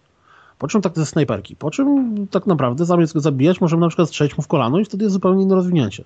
Czyli gra nie pokazuje tobie hamsko bezpośrednio, no to jak teraz naciśniesz to, to się stanie to i dzięki temu będziesz dobrym gościem, a jak naciśniesz w prawo, to będzie co innego. Tylko tak jakby yy, ona niby tobie każe zrobić jedno, a ty jak zrobisz co innego, to wtedy to też inaczej wpływa na grę. I co, Więc to jest postrzele w kolano chodzi bez nogi? Nie, bo ja akurat go zabiłem, tylko później się Jak zorientowałem. strzelisz w kolano, to chodzi bez nogi. Nie, słuchaj, ja, ja akurat, ja akurat go Nie, to zabiłem, tak- potem się zorientowałem. Natomiast, To tak y, a że propos jak, pierwszego Modern Warfare, gdzie też jest misja Bez snajperska. ręki. Tak. Właśnie, tam bez ręki dostał. Naturalnie, ponieważ ja nie jestem wielkim fanem, to te wszystkie nazwiska, które tu się pojawiają, kompletnie mi nic nie mówiły. Ja tam nie wiem, kto to jest Reznow, kto to jest jakiś tam Karamaszow. Jak większości. Więc sorry, ale nie mam pojęcia. Ale Historyjka w ktokolwiek sobie pamięta jakieś postacie z Call of Duty? Nie no, ja- ja pamiętam Ghosta. Ghosta. Wszyscy Ghosta o, pamiętają. Ghosta. Ale Reznow to chyba był z. Black Opsów ten e, twój kompan, któryś tam w misjach pomagał. Nie zmyślony? Nie wiem, nie pamiętam. Tak, ten, taki, ten w takich w różnych misjach, mi się No. wydaje. Tam wiesz, Taki, w, co którym- w pościgu z nim uciekałeś, to on chyba Słuchaj, w jednej, w jednej misji nagle z czołgu wyskakuje na ciebie jakiś gość i zaczyna cię dusić, po czym generalnie pada jego nazwisko i wszyscy robią takie to on! A ja myślę, kurwa, kto to jest? Więc no, najwidoczniej są jakieś nawiązania do No poprzednich części, ale dla mnie nie, nie do odkrycia. Historyjka sama w sobie jest no, taki klasyczny film sensacyjny, wiecie, no, no wiadomo czego się można spodziewać po Call of Duty. Mm, Kolejnym wielkim nowum jest to, że są misje, nazwijmy to strategiczne, które polegają na tym, że mamy możliwość przejęcia kontroli nad dowolną od jednostek, które z nami biegają, znaczy zazwyczaj jednej z czterech, mm, albo patrzenia na tak jakby mapę z góry i wydawanie rozkazów. To Oczywiście chyba poziom, nie jest nowość. znaczy w poprzednich nie, nie, nie. W poprzednich Call of Duty miałeś misje, które polegały na tym, że widziałeś sobie z samolotu i na przykład prowadziłeś ostrzał z samolotu. A tutaj masz tak jakby rzut, e, nie wiem jak to nazwać, no, izometryczny to jest za mało powiedziane, e, tak jakby z takiego oddalenia, gdzie zaznaczasz jednostki i wydajesz im polecenia. Ja, ja nie pamiętam, czy z poprzednich Call of Duty było coś takiego, że miałeś... Wydaje tak, mi się, element strategiczny. Conquer. właśnie w Modern Warfare chyba dwójce. Kojarzę coś takiego, bo chyba w demie było. Czy to może było coś na podobie? Na pewno tu jest kilka takich misji, one są w ogóle tak jakby oddzielnie od głównej fabuły i, i na tej zasadzie na pewno nie było, bo, bo tutaj masz tak, że masz, możesz wejść tak jakby w oczy dowolnej jednostki, to tam człowieczka, robocika, czegoś tam jeszcze, albo patrzeć na wszystko i wydawać rozkazy. Oczywiście sprowadza się do tego, że ponieważ poziom inteligencji AI jest kompletnie debilny, więc nie da się patrzeć na ekranik i wydawać im rozkazów i cieszyć się, jak wykonują zadanie, tylko po prostu wchodzisz w gościa, każesz wszystkim biec za sobą i lecisz na pałę do, do obiektu misji, nie? Mm, więc tak to wygląda w, w grze, no ale no okej, można docenić to, że próbowali cokolwiek zrobić. Eee, no i co więcej Call of Duty? No Call of Duty jaki jest, każdy widzi, biegamy gościem, który krzyczy i strzela do wszystkich. Mm, Kompletnie na plus jest to, że są te jakieś tam wybory, wybory fabularne, które jakoś tam się przekładają na to. Dla mnie to było na tyle fajne, że ja to strasznie lubię, jak rozmawiam z kimś, kto również grał w tą samą grę i okazuje się, że on miał trochę inną wersję, tak? To jest moim zdaniem zawsze na plus, bo, bo, bo jak masz taki totalny korytarz, to wtedy nie masz szans. Na jest tak, że na przykład ja tego nie zabiłem, a tamten mi uratował życie, a coś tam, a mój kolega, który też grał, miał zupełnie inną historię. Znaczy, no oczywiście to jak się zaczyna na to przyglądać z lupą, to okazuje się, że to są szczegóły. No ale takie szczegóły całkiem przyjemnie wpływają na odbiór całości. I dla mnie, jak ktoś to już tam wyrwie poniżej stówki, to jak najbardziej warto, bo, bo, bo no, no znaczy, no Call of Duty jaki jest, każdy widzi. Ale, ale wiesz Piotrze, co jest najlepsze? Że ty całą recenzję Call zrobiłeś of i Duty, ani, Call of ani Duty. trochę nie wspomniałeś o tym, jak to się gra. Bo wszyscy No, bo, wiedzą. no, ale, no ale tak naprawdę, no ta, tak naprawdę, czy ktokolwiek nie wie, jak się gra w Call of Duty? No właśnie. Tak Akurat naprawdę, to no, jest szczerze, wielka serio, zaleta. Naprawdę, To jest zaleta. Lubimy piosenki, które już znamy. Wiesz, prawda jest taka, że większość strzelaninek, y, nazwijmy to pseudowojskowych, w dzisiejszych czasach mógłby przełożyć do jednego szablonu, łącznie z klawiszologią na padzie. Tak. No oczywiście wiecie, tu, ponieważ fabuła jest taka, że się dzieje trochę w przeszłości, trochę w przyszłości, to znaczy tam chyba w 2025, nie w 2030, nie pamiętam, no to w tych misjach w przyszłości mamy oczywiście jakieś futurystyczne gany, drony, które sobie latają, chodzą koło nas, strzelają, nie wiem, plują ogniem, cokolwiek innego. No a w tych misjach z przeszłości mamy jakieś tam nawiązania historyczne do historii świata. No ale no... Mech. Dobra. Ale to generalnie mówisz, że chociażby z tego względu, że to jest jednak coś innego w Znaczy, kontekście Słuchaj, opowiedzianej his historii. ja to po prostu strasznie lubię, kiedy gra daje mi w taki nienachalny sposób wpływ na rozgrywkę. Nawet jeżeli to są drobiazgi, nawet jeżeli to są szczegóły. Na przykład dla mnie tym właśnie mnie kompletnie kupił Alpha Protocol. Że w zależności od tego, jak grałeś, jakie podejmowałeś decyzje i co wybierałeś w trakcie rozmów, czy tam w innych sytuacjach, to zupełnie inaczej toczyła się tobie historia. No i mnie tym Black Ops kupiły, naprawdę, serio. Nie podejrzewałem, myślałem, że to będzie taki totalny mech, tak jak poprzednia część, ja nie wiem, Modern Warfare to po prostu w drugiej czy trzeciej części bełkot fabularny, który tam był, to, to jest już po prostu, nie wiem, zbrodnia przeciwko scenarzystom.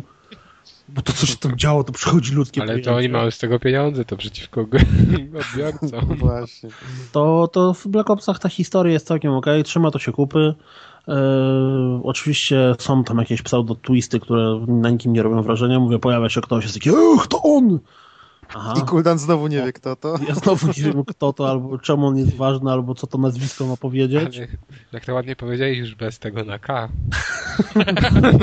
Ja mam ograniczoną ilość przekleństw na, na, na, na, na, Na minutę. Na mikrofon. Bo rating, rating wzrośnie rozgrywki. E, ale generalnie, no mówię, za, za jakieś tam mniejsze pieniądze Ale dzisiaj jest gorszy z A. powodu gorszych rzeczy wzrósł. czekamy na kawał do usza cały czas. Właśnie, zapomniałem. Możesz się nie doczekać. Hardcore. Ale to dopiero w DLC. No, reasumując, ja w multi nie gram w Black Opsy, ani, znaczy w Call of Duty w ogóle nie odpalam tego, bo nie chcę się denerwować. W tryb zombie e, też jeszcze nie miałem okazji, bo czekam aż jacyś znajomi wpadną z alkoholem e, i to wtedy będziemy próbować, bo to jest właśnie zaleta tych y, Call of Duty, mam nadzieję, że tu też, że można Po grać w Call of alkoholu Duty przy jednym tym, przy jednym sprzęcie, więc to jest, to jest, to jest zawsze spoko. Chyba, że się ma taki telewizor duży jak Kas ma w w swojej szafce z PRL. Tak. To wtedy, ale czekaj, grałem w Medal of Honor. To pierwsze na. PlayStation. Każdy Na miał swoje telewizor. 120 na, do 200 pikseli. A wtedy to się wydawało dużo. Okej. Em, Outland. Już opowiadaliśmy, ale Marcinie, co myślisz o Outland? No właśnie tak mi się wydawało, że mówiliście. Ale nikt już nie pamięta, więc przypomnisz. Dobrze. Mała gierka z PSN-u i i XPL-a. No nie taka mała. No, pff, no giga zajmuje. Ale nie o tym miałem. Ale, ale aha, bo to jest download. No, Download. Content. Station 100 R. Tak. Mała gierka, a jednak y, potrafi z, się spodobać. sz- Szukasz słówek po polsku, tak? Małe jest piękne. tak. A ja teraz widzę, że jakiś zboczony.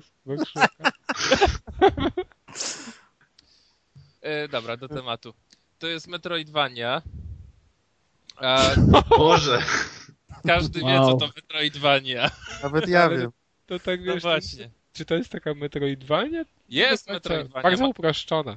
No, to jest otwarty świat, w którym zdobywasz jakieś umiejętności i dzięki temu możesz przenosić się. Tak, ale ten podział na te levele jest jednak tak, wiesz, tak... ym, Znaczy masz większe lokacje, ale to i tak ale jest. przenosisz się do nich, a nie wiesz, może źle pamiętam. Wydaje mi się, że tam się przenosi, że tam trafiasz w jedno miejsce takie, które jest teleportem. Tak do jak w. Metroidvaniach. No, nie do końca. Bo przecież w Castlevaniach na przykład było tak, że Chodziłeś do przechodziłeś. portalu i się przenosiłeś w inne miejsce. To ja nie wiem, w jakie ja Castlevania grałem. Ale ile teraz pamiętam, to większość polegała na tym, że po prostu w pewnym momencie na przykład miałeś ścianę i w danym etapie zdobywałeś umiejętność, dzięki której rozwalałeś te ściany. No tak, oczywiście, ale czasem mogłeś się cofnąć do innych miejsc. nie no tak, ale... teleportu. No może, no dobra, okej, nieważne już terminologia, czy to tak, czy nie. Co tam z tym Mała, gier, mała gierka z piękną grafiką. to odrobinę fakt. przypominającą yy, Limbo. Tylko odrobinę. No, No, Oprócz tego, że jest Odrob- kolorowa? Zupełnie Odrobinkę, bo bardziej kolor- kolorowa, ale tak jakby na czarnym tle. no bo to tak jest, że tu jakby ten, ta, ten pierwszy plan jest czarny. Tak, pierwszy plan jest czarny, postacie są czarne, wszystko jest czarne.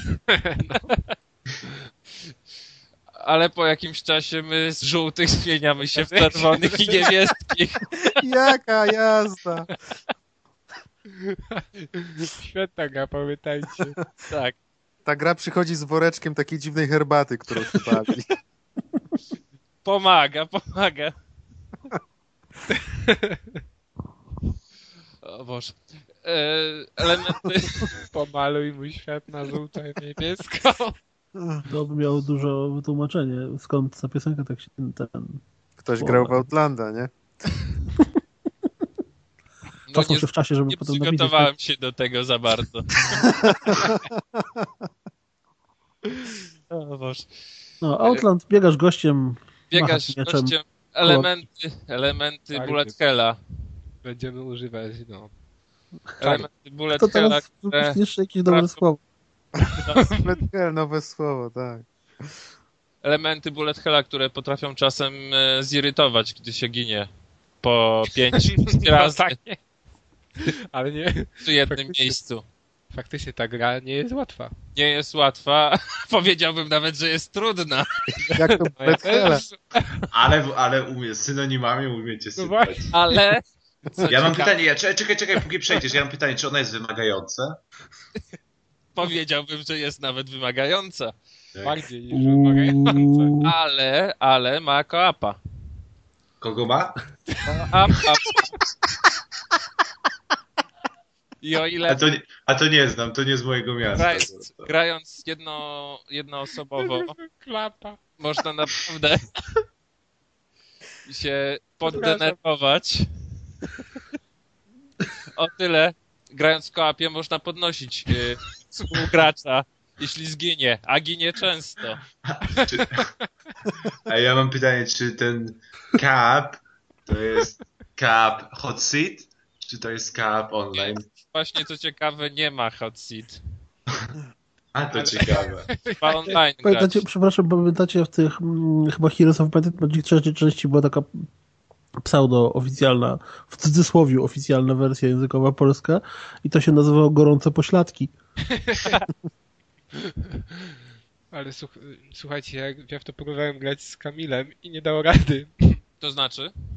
To znaczy nie wiem, czy to była wina łącza. Na, przykład odpaliliśmy tym samym momencie inną grę Dead Nation i działała bez problemu, a z tym był duży problem. No po prostu nie dało się grać, bo Kiedyś chyba strasznie lagowało, nie? Ja właśnie właśnie. jed- jednoosobowo grałem jakiś czas. A jak się w kopie gra jednoosobowo? nie, nie, Nie, Też nie, laguje. ale nie, bo tam jest bo tam jest taka zasada, że można tę grę przejść, ja nie pamiętam jak to już jest dokładnie. Czy fabułę nie trzeba przejść w jedną Fabułę osobę, czy... się przechodzi yy, samemu. A dodatkowe levele są jakieś takie. Dodatkowe levele są pozamykane, ale jak gra się w dwie osoby, to zaczynasz od samego początku i fabularnie idziesz. A, ale tam. Aha, właśnie, w tym momencie. Fabuła jest taka sama. No tak, ale generalnie to są inne poziomy. To są te same poziomy, tylko są otwarte te dwuosobowe. No, no czyli jak. Ale to nie jest tak, że przechodząc, bo nie pamiętam teraz, czy przechodząc przez singla, widzisz gdzieś, że tutaj. Tak, o, tutaj przechodząc przez singla masz miejsce tak jak e, w Little Aha. Big Planet. To Że- miejsce jest na dwie osoby. A właśnie, to, to już tego nawet nie pamiętałem. Bo wiem, że jak myśmy odpalili to z Kamilem, to praktycznie od razu znaleźliśmy się w tym miejscu dla dwóch osób. Ale tam To tak chyba jakoś- jeszcze jakieś challenge są dodatkowe, w które e, można grać w dwie osoby tak od razu. Ty Pizda. więcej tej herbaty wypiłeś. Mm. No, ale nie no, w każdym razie dwie fajne, osoby nabiera rumieńców. ta gra jest, no, ta gra jest fajna, bo ona jest platformówką 2D. Jest wymagająca, bardzo wymagająca, ale to szczególnie widać przy walkach z bossami. Zawiera w sobie Chyba, te, że się odkryje schematy. Wtedy bossowie giną raz, dwa. Tak, ale pamiętasz tego bossa, gdzie le, on leci w powietrzu i tam spadają jakieś bomby? Yy, tak. No to był schemat, ale to było moim zdaniem skomplikowane i to jeszcze było tyle skomplikowane, że trzeba było te poziomy zatrzymać, zaczynać, czy tę walkę z bossem od początku. Yy, Nie było tak, że były pomiędzy, wiesz, tak, tymi dokładnie. e, jakieś e, pomiędzy stage'ami, że były jakieś te, jak to się nazywa? Intermissiony. Check, checkpointy. No. Punkty zapisu. No właśnie. Między I, etapami. A są Tak. jakieś subquesty? Sub- Podmisje. A czy życie A się nie odnawia, czy trzeba... także zapytam. Nie grałeś co? w to? Ja grałeś? grałem. Ja w to grałem dawno temu i nie przeszedłem tego. U. Nie podobało ci się, czy za Co, podobało mi się, ale Było za No, trudne? Nie, może... nie, ja szczerze mówiąc nie pamiętam. Pamiętam, że mi się podobało. Pamiętam, że mimo, że ja nienawidzę Bullet Helli, to jakoś on był na tyle fajnie zrobiony, że mi nie przeszkadzał. E, Ale chyba jakaś inna gra przyszła i się rozproszyłem, a ja Tak. często mam ten problem, że jak odejdę od jakiejś gry, to potem nie mam, No, e, tak ciężko powiem, wrócić. motywacji, żeby do tego wrócić. Dlatego staram się trzymać po prostu jedna gra naraz. To jak każdy z nas. Bardzo Jak byście przetłumaczyli na język polski Bullet Hell? Piekło nabojowe. No. To piekło pestek. tak. Ale ten, ale generalnie na przykład fajne jest to, że jest tutaj ten mo- motyw jak z Ikarugi. Tak, właśnie chciałem o tym powiedzieć. No, to mów. No mów. Dostałeś No zgodę. mów, no. Jest motyw z Ikaru- z Ikarugi. No, typ z Ikarugi jest właśnie sympatyczny, bo mając ten sam kolor, te kule tego samego koloru cię nie y, zabijają. tak, się postać ciebie nie może zmieniać imają. kolor. Nie, nie mają się właśnie. Nie, do, dawno pamiętam, trigger chyba się naciska, żeby postać zmieniła Tak, kolor. L, Spust. R, Spust. Nieważne. R1. No, no widzisz, nie spust. Prawy jeden. Jak to mówiłeś? Sztabki. Sztab. No co się śmiejecie, tak to kiedyś Tak jakoś mówi. Co się śmiejecie? Tak w Poznaniu mówią. W Poznaniu. Oddawaj sztabki. No. No, wyskakuj z To złoto Hitlera. I oni tam wszędzie te sztabki wciskają. No nie wiem. Właśnie nie wciskają, oni chomikują, bo masz oszczędny Nie, zaraz, naród. Ej, mieliśmy tego nie jak, przypominać. to nie? Bo to Maciej tak się śmieje, on tak swój na swego widocznie Co, trafił. co? Ja nic nie wiem. Nie mam żadnych sztabek. Ja mam trigger. Nawet jeśli coś, to na pewno nie sztabkę. Tak. Przyciski. Nawet jak coś No. wkłada, to nie sztabkę, tak? Dobra. To bullet hell. To co tam z tą Ikarugą? Kolorki są. Kolorki są. Jest ładnie, kolorowo, trudno. Warto zagrać. Polecamy. Możesz sztabkę naciskać. Nie, ale nie no, tak serio mówiąc, no przecież to jest świetna, świetna gra. To jest Jedna nie z hot najlep- seatowa, bullet hellowa Metroidvania. Je, tak, jedna z, naj... jedna, jedna z najlepszych. Z checkpointami. A No. co ciekawe, to Ubisoft wydawał. O, to ciekawe. Ciekawe. Jak na Ubisoft, to dali radę. No właśnie o to chodzi, że oni raczej... Żadnego Moment. królika tam nie wcisnęli. Nie, nie ma żadnych królików, nie ma Raymanów. Chociaż Rayman ten Origins jest świetny. No i makapa. No i kolory też są. zmiana tematu. Ma koapa sieciowego, I hot seata też ma. a, a nie Ale ma hot seata. A właśnie ten? Rayman nie ma multi e, sieciowego. Ten Origins. Fajnie. To ciekawe. Jeszcze jakąś ciekawostkę. Ciekawostki Dropsa. Gears of War ma w Znacie multi jakieś sieciowe. gry, które nie mają opa A, a w sieciowego? Quake'a też można grać w sieci. Wiem, który nie miało. Y, O, The Cave. Deluxe. The Cave nie ma apa sieciowego. I Warhammer 40 tysięcy. Train, Train nie miał, jak to się nazywa? Sieciowego. nie miał. Deluxe Ski Jump. Deluxe Ski Jump miało ho- hot seat, a nie miało. Ten Deluxe Ski Jump to miał koopa międzyprzerwowego w szkole. Dobrze, panowie, ale nie. Wracając, bo zaraz nam wyjdzie 3 godziny. E, No nie, no dla mnie to jest po prostu kapitalna gra, jedna z najlepszych platformówek, taka dostępna w ogóle, no w ogóle chyba nawet platformówek 2D w tym, w tej generacji. Ono teraz pewnie jakieś grosze kosztuje, nie? Ona Tak, jest na fizy... Ona, ona jest zresztą chyba do, do fizycznie do dostania Tak, na takim jest. prążku z Beyond Good and Evil HD, w które też jest warto tylko zagrać. na Xboxie. Aha. Tak mi się wydaje, że to jest chyba tylko to wyda, ale- może się mylę. Wydaje mi się, że to jest tylko na Xboxie. No, To wyda... Lepsza wersja. No w każdym, daj lepsza.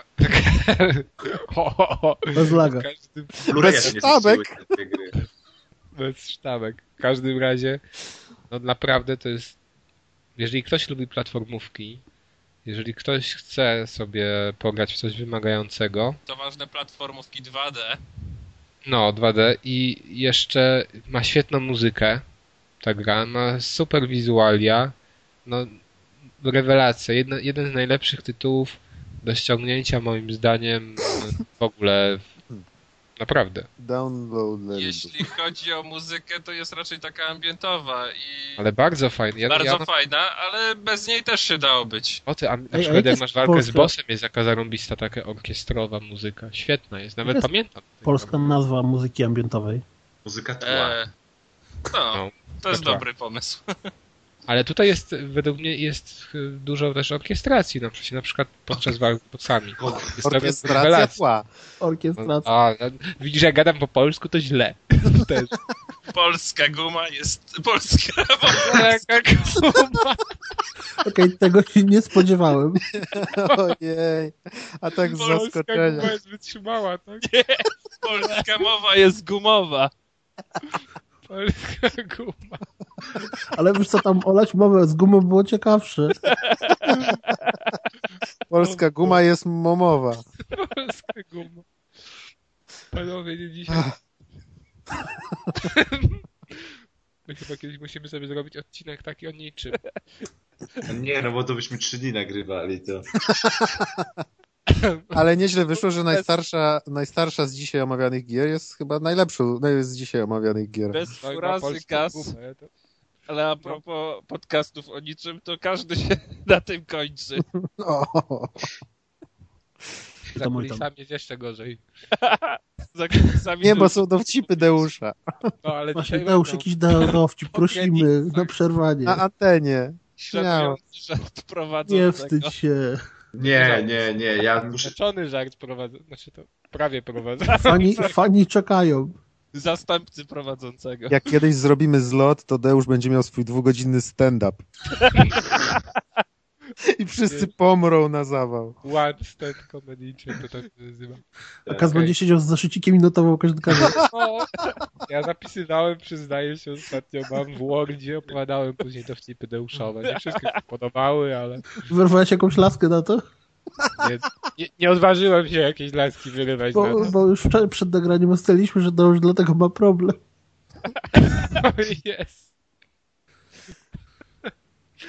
Już startujesz. Wracając do Ikarugi. Dobra. Do czego? Jakiej Harugi? Jedziemy dalej. A tak w ogóle a Ikarugę też polecamy. Tak.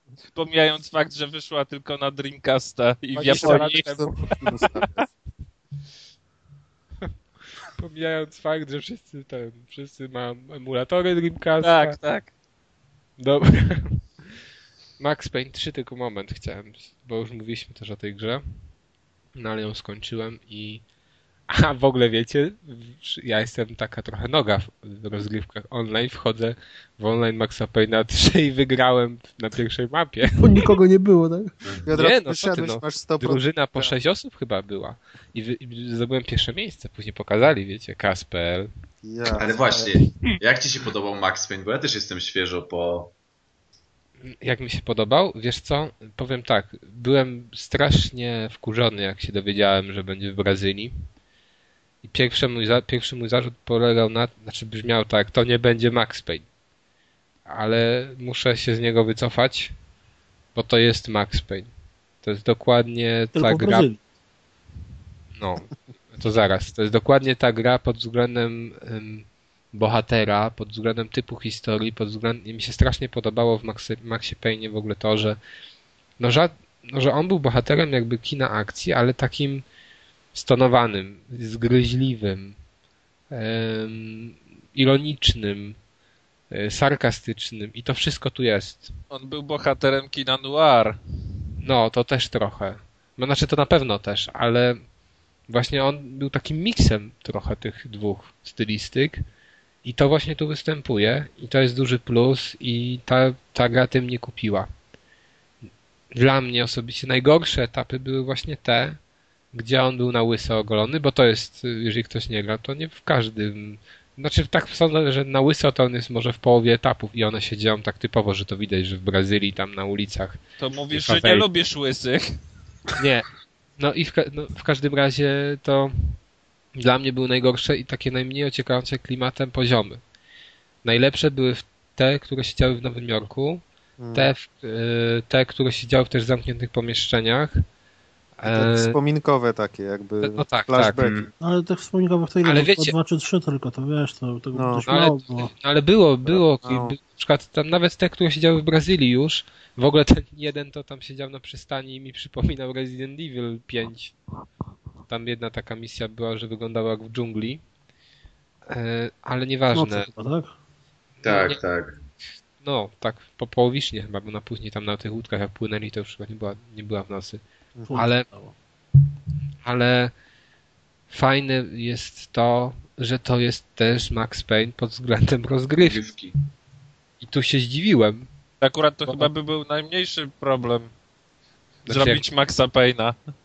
Znaczy, no dobra, Takiego... najmniejszy problem, ale ja nie, nie spodziewałem się, że oni pójdą tym tropem i zrobią z tej gry no nie do końca powtórkę, ale totalnie tytuł, który nie powstaje już w dzisiejszych czasach. Wiesz, bo to chodzi o to, że jak Max Payne pierwszy i drugi wyszedł, to wtedy nie było jeszcze takiego boomu y, cover shooterów. I było ale jak bardzo Max dużo był mowy. rewolucyjny, tak? Pod względem rozgrywki. No tak, ale było bardzo dużo, bardzo dużo, y, duża obawa, że oni zrobią po prostu z Max Payne robionego w dzisiejszych czasach zwykłego cover shootera, takiego, nie wiem, jak Uncharted, czy Ale- Gearsy, czy cokolwiek innego.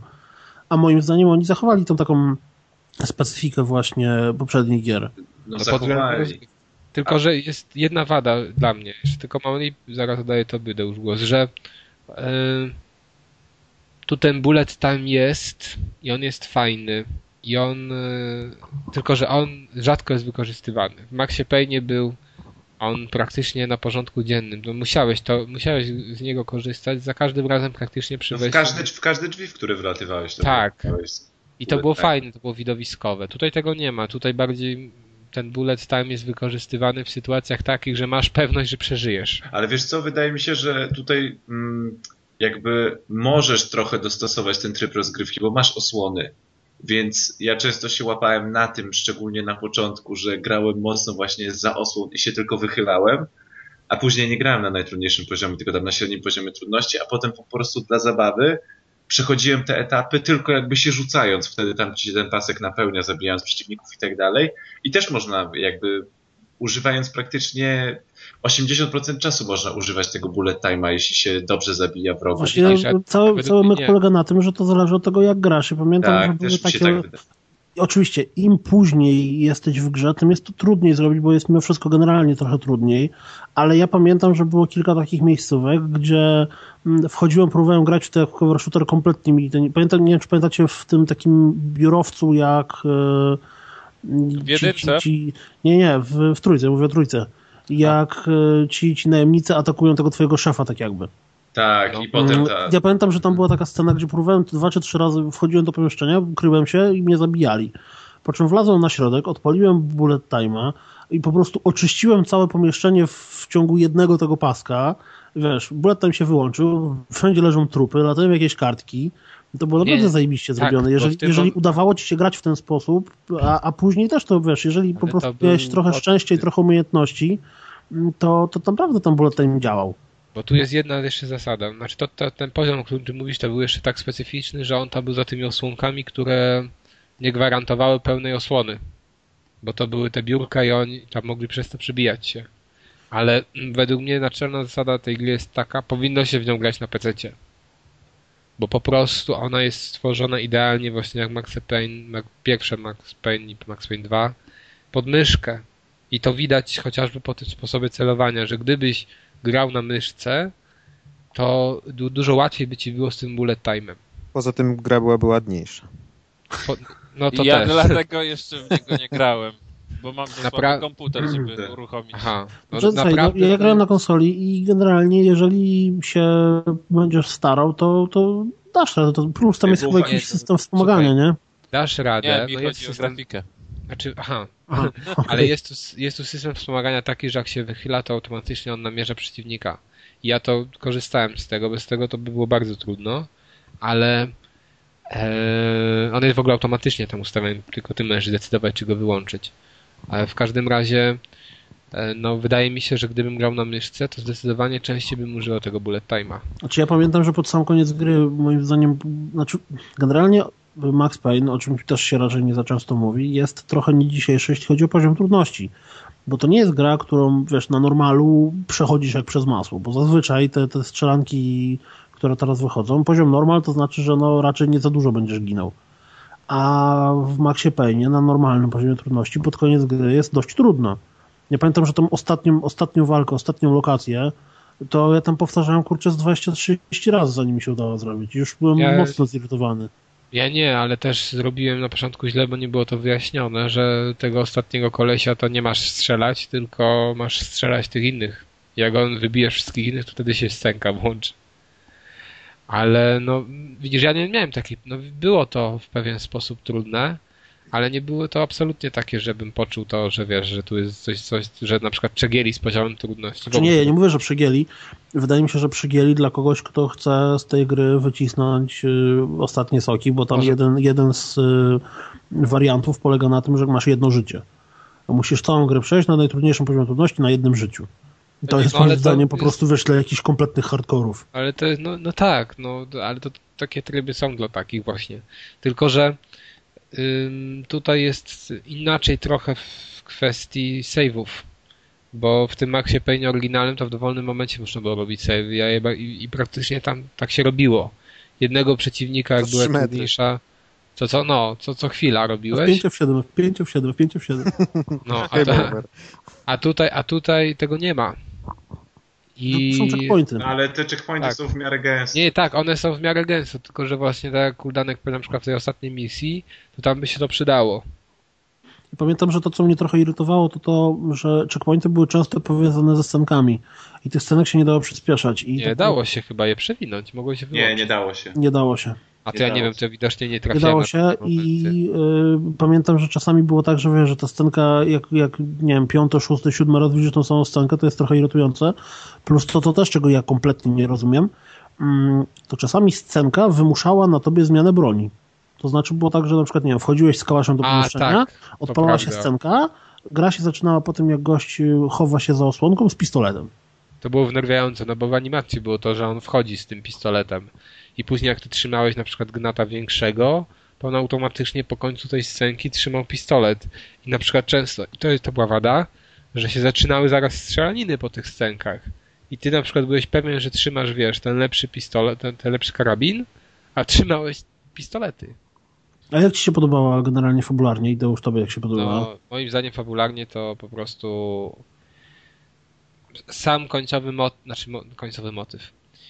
Ty- ta- Cała oś fabularna polegająca na tym, że Max trafił do Brazylii, to dla mnie to jest totalna bzdura. Dla mnie, mi się jakby, fabularnie dla mnie nie jest źle, ale mnie od połowy gry niestety Max Payne zaczął jako postać wkurzać. To znaczy, jakby rozumiem ideę tego, że on się stoczył, że pije, że ćpa e, painkillersy, skoro już jedziemy po angielsku, e, że się obciął, że nie widzi sensu w życiu, że próbuje odkupić winy, ale z jednej strony nie chce mu się tych odkupiać win i tak dalej, ale on to non-stop mruczy sobie pod nosem. Non-stop. Co strzelaninę, co scenkę, to pięciu osób zabije, to idzie w korytarzu, to sobie powie, Boże, moje życie nie ma sensu. Za pięć minut zabije znowu pięć osób i znów w korytarzu, Jezu, moje życie nie ma sensu, napiłbym się whisky. I tak non-stop przez te 15 godzin no gry. przesada. Nie no, narzeka non-stop. Ale on nie Narzeka- narzekał, na przykład mówi, no mogliby mnie zabić i tyle. No, No, ale no, nie to gada tak. właśnie, no to, Przecież ale to Ja ja pamiętam, miałem- że mi się podobało, że on tak dużo właśnie No gadał do właśnie, mi też się to W podobało. poprzednich częściach też tak było, tylko że w cutscenkach. Nie, no to, to też jest raczej zazwyczaj w cutscenkach, natomiast y, ja miałem problem, bo mi, się generalnie to podobało, strasznie mi się podobało to, mm, że oni dali tobie możliwość poczucia się tak samo zagubionym jak on jest, przez to, że nie były tłumaczone rzeczy mówione, wiesz, nie po angielsku. No, ale to, To to, To było- jest bardzo dobry patent. To moim to zdaniem jest super patent i naprawdę strasznie, wiesz, tam, tam ta scena, jak on wchodzi po fawelach i po prostu, nie wiem, wchodzi do jakiegoś pomieszczenia, tam wychodzą do niego, zaczynają go pokrzykiwać, coś tam, zabierają mu broń, zaczynają go popychywać i on nie ma zielonego pojęcia, co się dzieje i tak samo ty nie masz zielonego pojęcia, co się dzieje, czy zaraz cię zastrzelą, czy nie, to o co chodzi. To była naprawdę świetna decyzja. Ja, ja E, pamiętam, że e, mi, się że mi się podobał taki element, jak nie mamy odnawianego paska życia, więc musimy brać tabletki przeciwbólowe. I one często jakby, no wiadomo, że w grach jak były apteczki, to były w głupich miejscach rozłożone. A tu zawsze, to znaczy zawsze, często Max komentuje te miejsca, gdzie są te apteczki, czyli na, czyli Mhm. na przykład jest w burdelu i znajduje właśnie środki przeciwbólowe i sobie myśli, no w sumie gdzie mam to znaleźć, jak nie tutaj, nie? I tak dalej.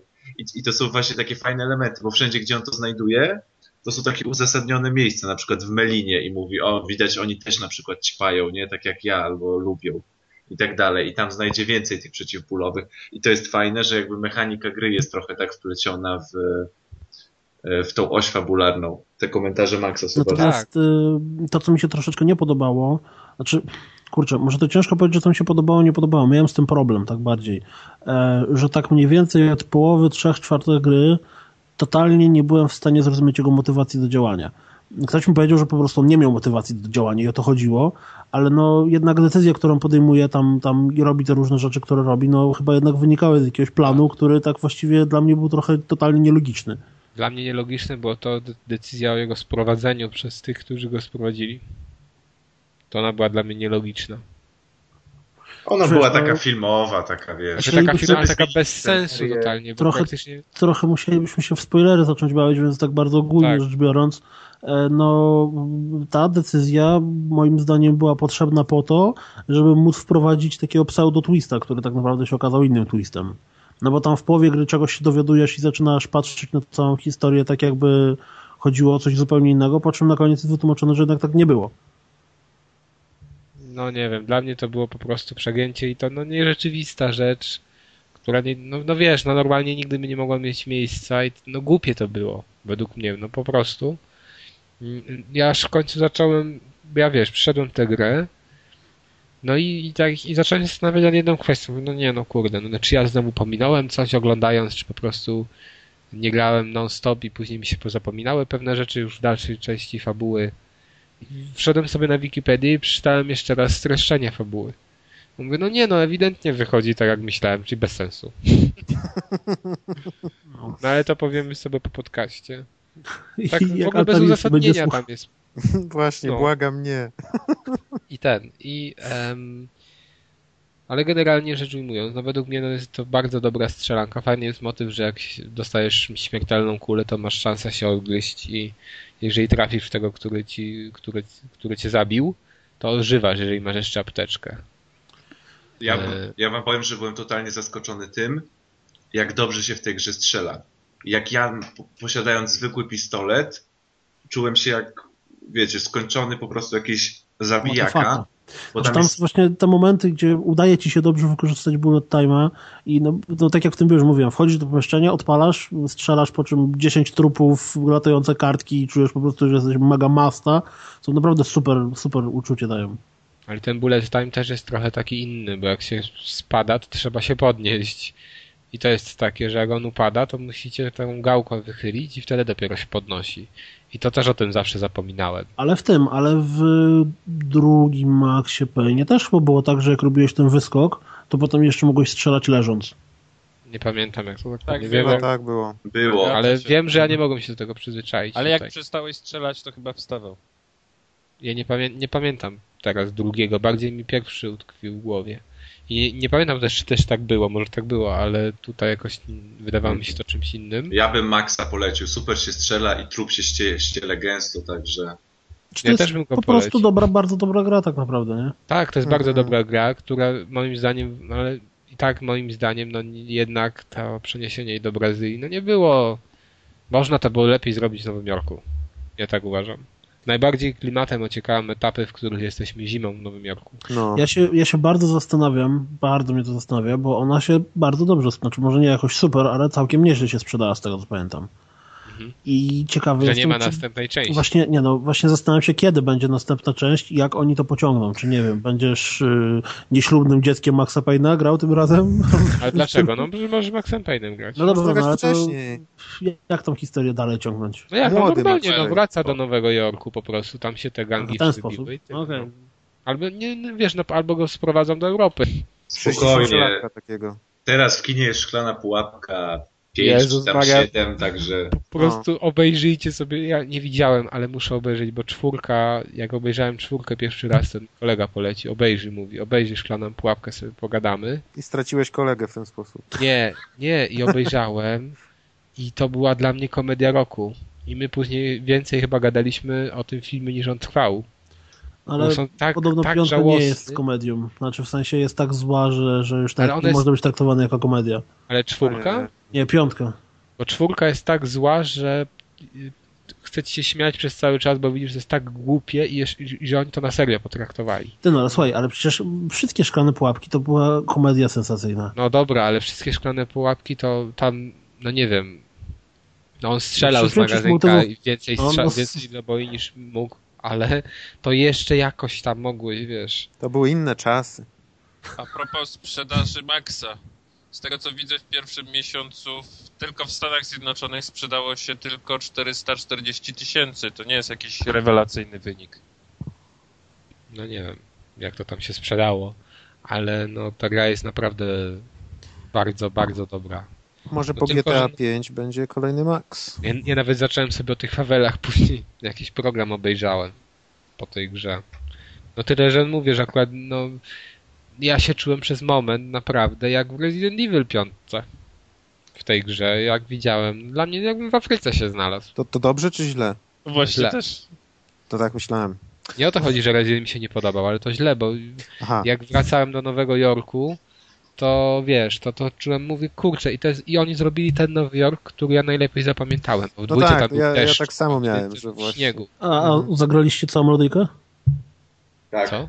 Aha, na pianinku. Tak, to mi się strasznie podobało. Strasznie mi się to podobało. Nie wychodziło mu tam. Nie no, to było tak, że przez całą grę znajdowałeś pianinka i w końcu na koniec, y, tuż przed samym końcem gry udało mu się zagrać. Aha, to ja tak nie, to nie, to mnie, nie- widocznie nie na wszystkich zagrałem. Nie, no ale... Halo? No tak, tak. Słyszymy cię. Słyszymy, słyszymy. Dobra, ja polecam, warto sobie to na pewno pograć. Według mnie jednak, jeżeli macie wybór, to powinniście w to startować na myszce, bo Tak. na pewno się łatwiej wtedy strzela. Tu jest nawet celownik tak dziwnie zrobiony, że em, wydaje mi się, że ciężej trafić na padzie niż w innych strzelankach. Po prostu. I lepiej, chyba lepsza imersja będzie, gdy to się będzie grało na myszce. Zwłaszcza, że teraz w sumie to jest już za śmieszne pieniądze do kupienia. To chyba zresztą też kupiłeś kolekcjonerkę, prawda? Była promocja za jakieś tam, nie wiem. Jak miałem w ogóle kolekcjonerka wcześniej... Figurka do ogródka zawsze będzie, nie? Skrzat do ogródka. Duży ten skrzat jest? No on jest Widziałeś duży. On telewizorze? Zmieścił się na półeczce? z 5 centymetrów mniejszy niż PlayStation 2 stare, bo ono jest stoi dokładnie. No. Jak postawisz PlayStation 2, to on jest tak z 5 centymetrów niższy. Pilnują cię, żeby nikt nie ukradł. Właśnie zapomnieliśmy powiedzieć, ale Arek nas opuścił. Jeszcze chyba przed, temu. przed Ikarugą. No. No, kazał się pożegnać. Ale to nas opuścił jeszcze przed Black Opsami. No, Ja właśnie Wła- zobaczyłem, że na pewnym popularnym serwisie aukcyjnym klucze do Maxa Payne'a są za 27 zł na PC. -ta. To Jest chyba jakiejś jakieś oszustwo. Steamowej promocji. No może tak, no ale to bez cen. No ale to co, co, Czyli generalnie sobie Maxa warto, ale nie, no dobra, no w każdym razie no warto. I tyle. warto i tyle. Dobra. Kącik kulturalny. Na, na kąciku kulturalnym yy, powiemy sobie dzisiaj o trzech pozycjach aż. Ostatnio nie było kącika kulturalnego. Zacznę od siebie. Nieskromnie. Bo tak mam się w rozpisce. No i chciałem powiedzieć o książce J.K. Rowling, czyli pani od Harry'ego Pottera, która napisała pierwszą, jak reklamuje wydawca, książkę dla dorosłych. Przepraszam, co, wiesz co mnie zawsze zastanawia? E, Co? Jak długo będą jeszcze tak o nie mówić? Znaczy, bo no, Harry. Potter, jeszcze na przykład za 20 książek do przodu będzie nowa książka J.K. Rowling. To ona napisała Harry'ego Pottera. Całe życie. To no, jest- to jest-. To już jest na, do końca Brzemię. życia. Brzemię, dokładnie. Czy wiesz, no, No no akurat, no całkiem wiesz, to fajne ona- ona- brzemię. No nie, no tylko, że ty to powiedziałeś, no akurat to jest taki franchise, że no typowy dlatego, żeby ona została, wiesz, tylko z tego Ale to Roz- tak samo jak świat. o Sapkowskim zawsze będzie się mówić, że to ten od Wiedźmina. No tak, ale Sapkowski w porównaniu do niej to jest w ogóle nieznany. No, Więc to, I to nic jest nie jeszcze... poza Wiedźminem. To tak samo jak będzie zawsze mówić, że Polański to ten od... No. A, No, no, Od, od, od, od. Od, od tego, no. Od tego właśnie, nie? O, no od tego, dziecka rozmery. no, od dziecka. Nie tylko dziecka rozumiem. od dziewczynki właściwie. Nieważne, bo teraz jeszcze na dodatek czytam Lolitę, aby mi tu takie rzeczy. Tak a propos. Tak a Przepraszamy. propos. O Lolicie powiedz. Później powiem, jak skończę. Dobra. Nagrywać jak skończy. A, No jak nagrywać skończy, tak. Okej. E, J.K. Rowling, e, Trafny Wybór, tak się nazywa ta powieść. czy to 500 No tej książki stron, było trafnym wyborem. właśnie. w ogóle ona się nazywa Casual va- Vacancy, co oznacza wolny wakat. E, Casualowy. nie wiem dlaczego u nas Trafny Wybór. No zupełnie nie pasuje ten tytuł. No lepiej brzmi niż, niż wolny wakat, ale czy tymczasowy, no, Nie no wiesz, czy jednak to był dobry wybór. Nie, ale w każdym razie tak, sięgnięcie po tę książkę na pewno nie było złym wyborem. To nie jest literatura wysokiej klasy, to nie jest coś takiego, że będziecie piać, piać zachwytu nad y, językiem, Biografia y, tego. został. Stewarta to to nie jest. No, to nie jest.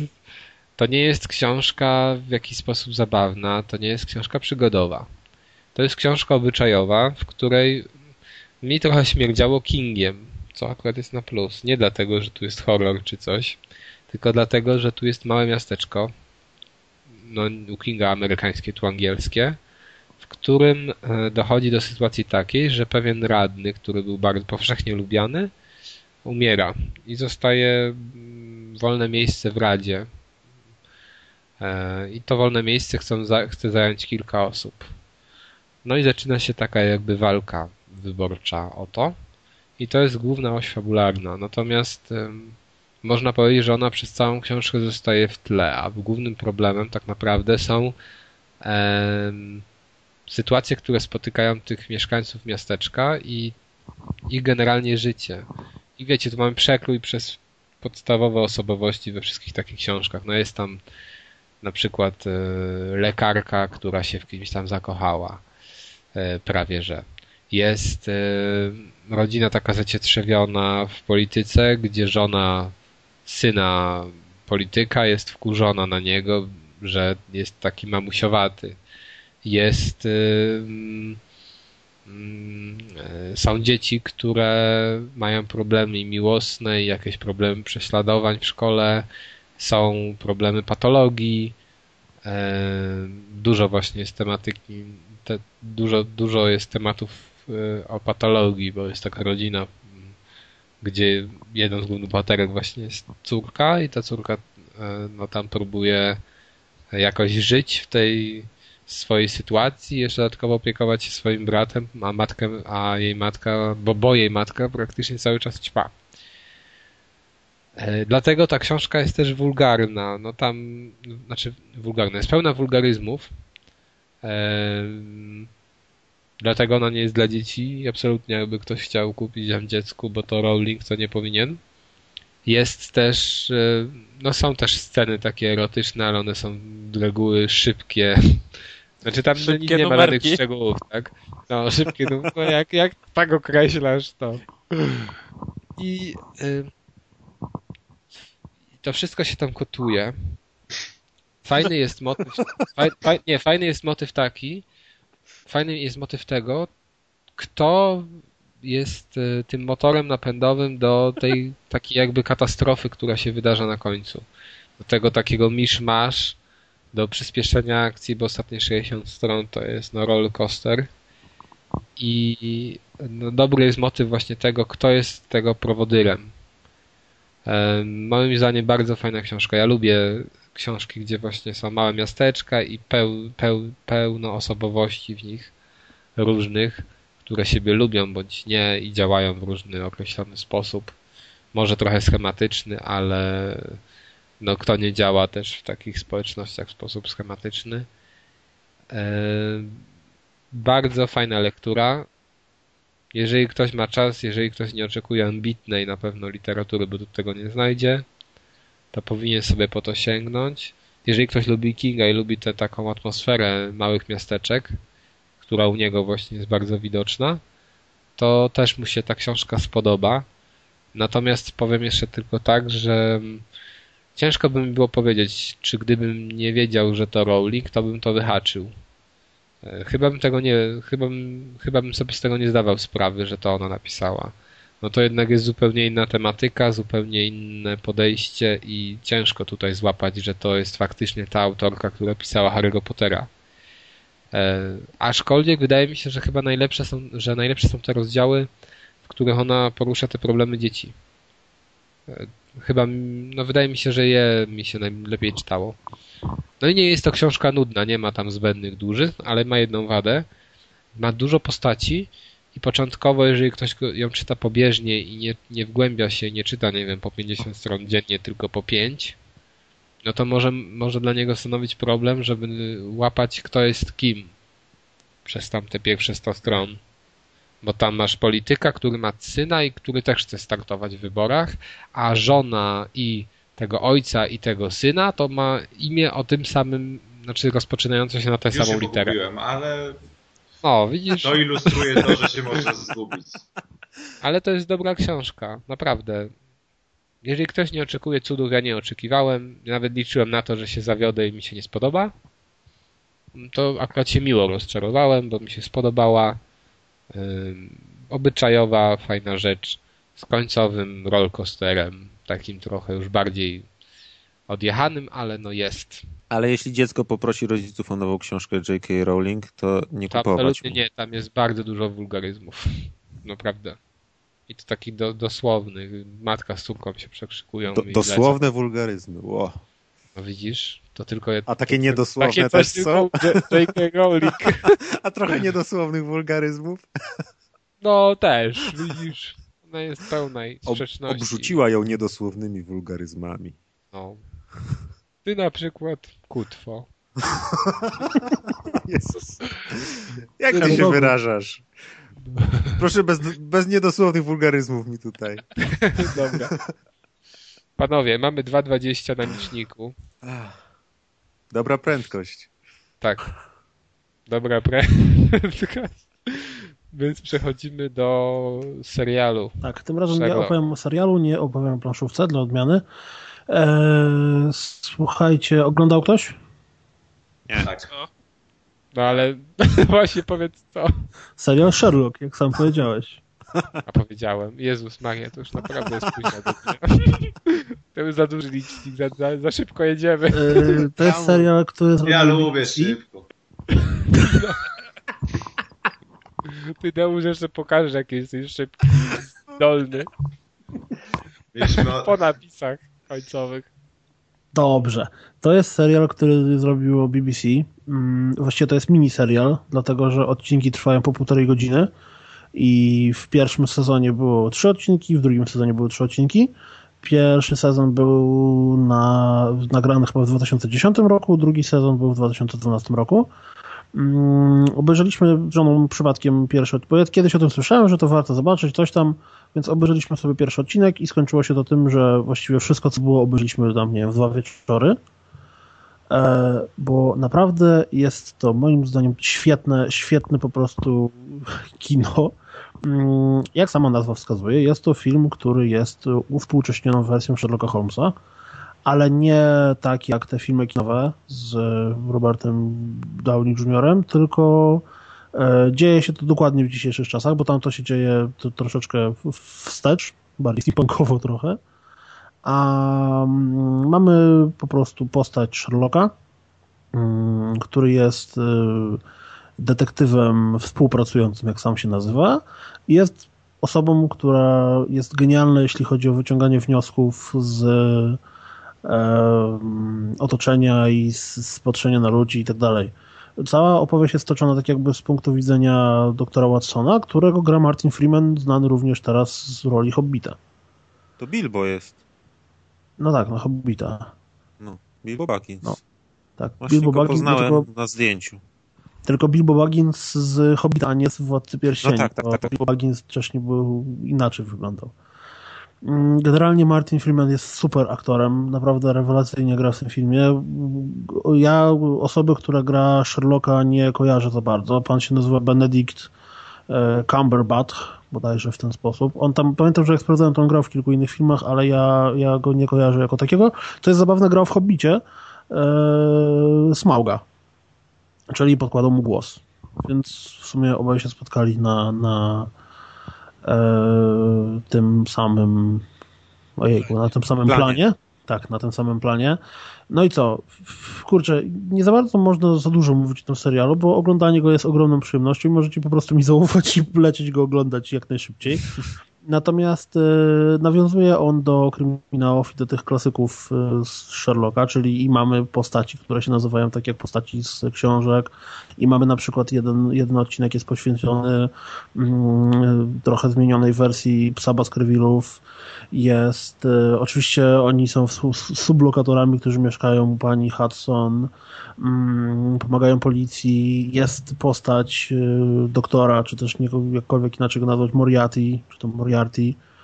E, serial jest zrobiony w ten sposób, że z, dosłownie z wypiekami na twarzy się ogląda te popisy intelektualne Sherlocka Holmesa, a ponieważ jest to w pełni uwspółcześnione, to y, też jest trochę akcji. Znaczy, Nie za dużo, nie tak jak w, serial, jak w filmach fabularnych, mm, ale generalnie tak, nie wiem, czy to dobra rekomendacja, czy to nie zła, ale jakby ktoś wziął CSI, wyciął z niego te elementy stricte fantastyczne, podciągnął trochę y, fajność tego serialu, wtedy byśmy dostali Sherlocka. Przez to, że te odcinki są po półtorej godziny, to z jednej strony każdy z nich ogląda się jak taki trochę krótszy film, bo one są zamkniętą całością, a z drugiej strony cały sezon też się składa na jakąś też zamkniętą całość, czyli mamy trzy tak jakby oddzielne historie, które łącznie splatają się w jedną trochę dłuższą, większą. I nie wiem, ktoś powiedział, że oglądał, tak? Dałeś? Ty, czy ty, czy to? Tak. I ja byłem zachwycony. Ja w ogóle jeden z, z najlepszych seriali, jakie kiedykolwiek oglądałem, tak mi się wydaje. No, po prostu, Tylko, że ja jestem fanem Sherlocka Holmesa, także To nieźle. nie, No, no słuchajcie, my obejrzeliśmy jeden odcinek i obejrzenie jednego odcinka doprowadziło do tego, że przez dwa wieczory obejrzeliśmy wszystko. A ponieważ to trwa po półtorej godziny jeden, czyli sezon trwa, no, jak odpowiedźcie 4,5 godziny, więc dwa wieczory to siedzieliśmy do trzeciej w nocy oglądając Sherlocka, bo tak, tak bardzo nam się Nie, podobało. mi się, mi się po prostu za, za ten serial się chwyciły osoby, które bardzo czują Sherlocka Holmesa. Czyli jakby No, w taki bardzo wiedzą, o co w tym nie? Tak, jakby, jakby wiedzą, o co w tym wszystkim chodzi, o co chodzi w tej postaci i tak dalej. Że, że jakby Sherlock Holmes to nie jest fajka i, i, i surdut, i twój, i surdut, mówię, i taki ten kapelusik, nie wiem jak on się nazywa. Że jakby ja, ja, ja przeczytałem prakty, prawie, praktycznie, wydaje mi się, że praktycznie wszystkie opowiadania, które, e, które są na polskim rynku dostępne z tych, e, z tych dawniejszych wydawnictw i, i naprawdę oglądało mi się świetnie i, i, i takiego Sherlocka Holmesa bym chciał zobaczyć coś w tym stylu właśnie na, na, na dużym ekranie, chociaż akurat jakby do, do formy literackiej, jakiej jest Sherlock Holmes, czyli tych takich opowiadań dłuższych, krótszych, forma serialowa idealnie pasuje. Bo jakby w filmie Zwłaszcza, musimy wiesz, to nie jest na jednej historii. Tak, tak, tak, tak, tak. Dlatego Tylko chodzi o to, że mm, no, zgadzamy się. Tak, tak, no bo to, bo to bo wiecie, typowy serial komediowy to trwa 20 minut z wyłączeniem reklam, a typowy serial fabularny to zazwyczaj trwa 45 minut z wyłączeniem reklam. E, I to, że tutaj trwa po półtorej godziny odcinek, mm, to też y, wpływa na odbiór, bo po prostu to nie muszą się śpieszyć z przedstawieniem historii, czyli mogą pozwolić y, tej fabule danego odcinka się tak ładnie rozkręcić, żeby jeszcze był jakiś suspens, było jakieś zaskoczenie mm, i żeby wytłumaczenie przyszło, przyszło odpowiednio tak, żeby też widz na pewno zrozumiał. Samo w sobie to, jak Sherlock postrzega rzeczywistość jest super pokazane, bo zazwyczaj jest tak, że nie wiem, pojawia się jakaś postać, po chwili Sherlock wypowiada jakieś zdanie na zasadzie, a, no to, to nie wiem, twój brat jest gejem. Wtedy ta postać mówi coś na zasadzie, co? Jak to możliwe? Skąd ty wiesz? I Sherlock zaczyna tłumaczyć, że ponieważ tam na bucie jest kawałek błota, który jest tylko tam w jednej części Londynu, coś tam, coś tam, coś tam, tylko jest to przedstawione w ten sposób, że wszystkie postaci, które się spotykają z Sherlockiem, też nie są w stanie w to uwierzyć i uważają, że on kantuje. Czyli widz oglądając to, to nie jest tak, że wszyscy absolutnie uznają, no tak, Sherlock jest geniuszem, to jest logiczne, że on tak umie, to jest przecież no, no ba, tylko wszystkie inne osoby, które go spotykają też traktują go jako, że no, coś jest niehalo, że ktoś tak może zrobić. Czy wyciągać takie wnioski. Generalnie naprawdę warto, warto, warto, warto, warto, jeszcze raz warto. Okej. To teraz Deusz, ale nie wiem co to jest. Deusz, powiedz. Bo nie wiem, czy E, to film, to ja- czy to komiks, czy co. Wracam, nie no już wracam z komiksowej otchłani, także ostatnio nadrabiam mocno kupę wstydu komiksową, także będę na przyszłych podcastach po kolei e, męczył swoimi komiksami.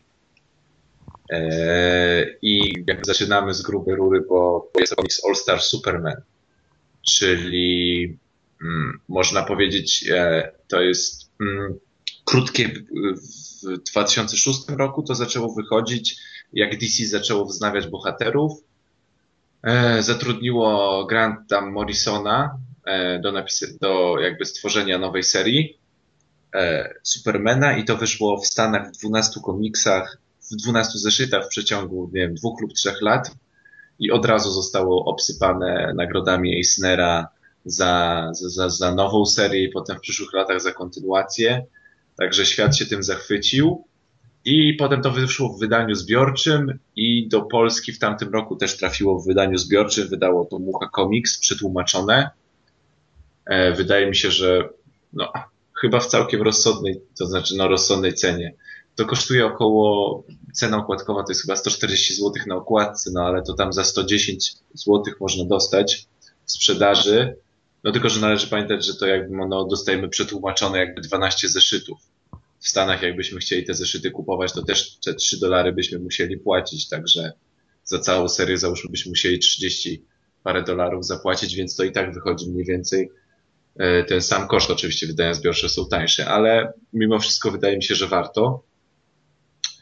I, I ja jakby nigdy nie byłem nastawiony e, pozytywnie do Supermana. No tu chyba się zgodzimy, że to jeden z najnudniejszych. A ja lubię Supermana. Tak, jeden z, Żółwie ninja.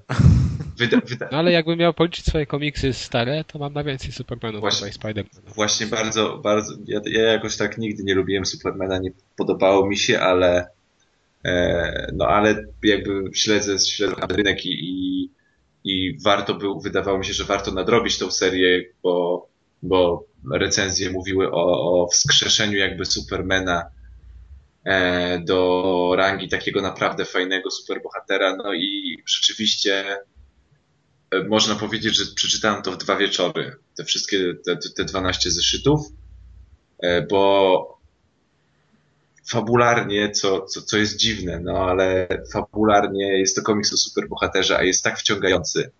Ma tak fajną historię poprowadzoną. Główna fabuły opiera się na tym, to nie jest żaden spoiler, bo to się pojawia na pierwszych pięciu stronach komiksu, jest to, że Superman ratując załogę, która udała się na słońce, sam został tak napromieniowany, że wkrótce umrze. Spalony. Nie, wkrótce umrze po prostu.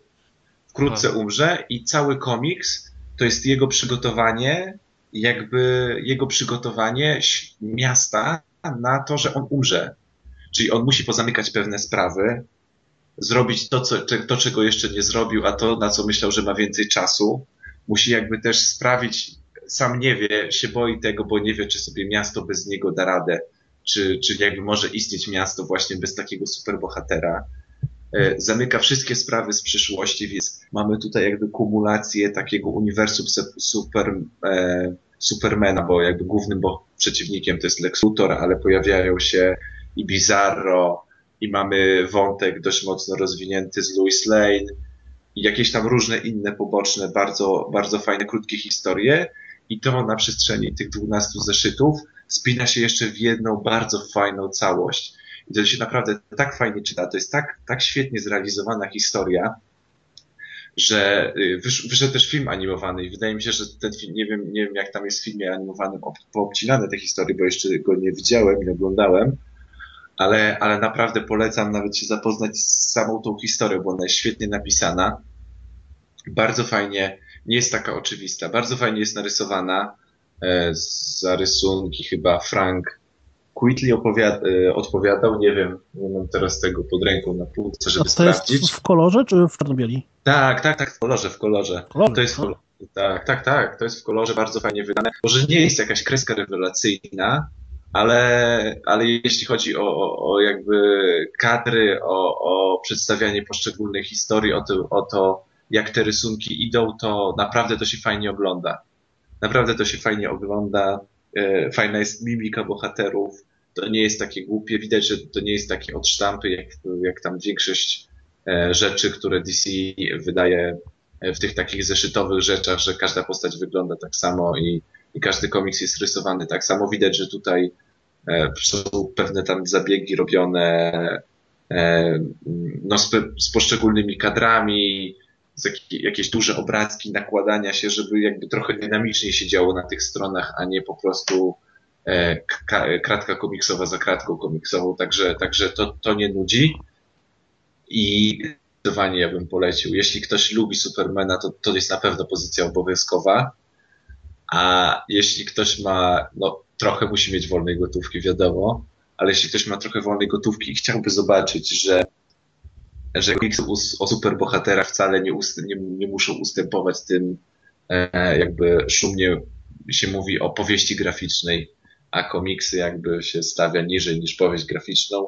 to że tu naprawdę można przedstawić bardzo fajną historię, w której będzie głównym bohaterem będzie kość w, w, w, w gadkach czerwonych, które nosi na niebieskich rajtuzach.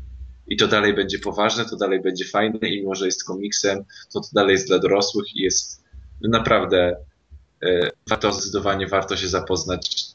E, nawet jak Ile? ktoś, no właśnie, tak jak mówiłem, 100 zł, 100, 110 zł to kosztuje w, e, w Jezus, internecie. Ale jakoś, nie wiem, musiałem się wyłączyć moment. No powiedz mi, ile to ma stron? Mówiłeś też, czy... E, nie, nie mówiłem. To ma, to ma troszkę ponad chyba 300 stron. Tak, tak, tak z tego, co mi się kojarzy.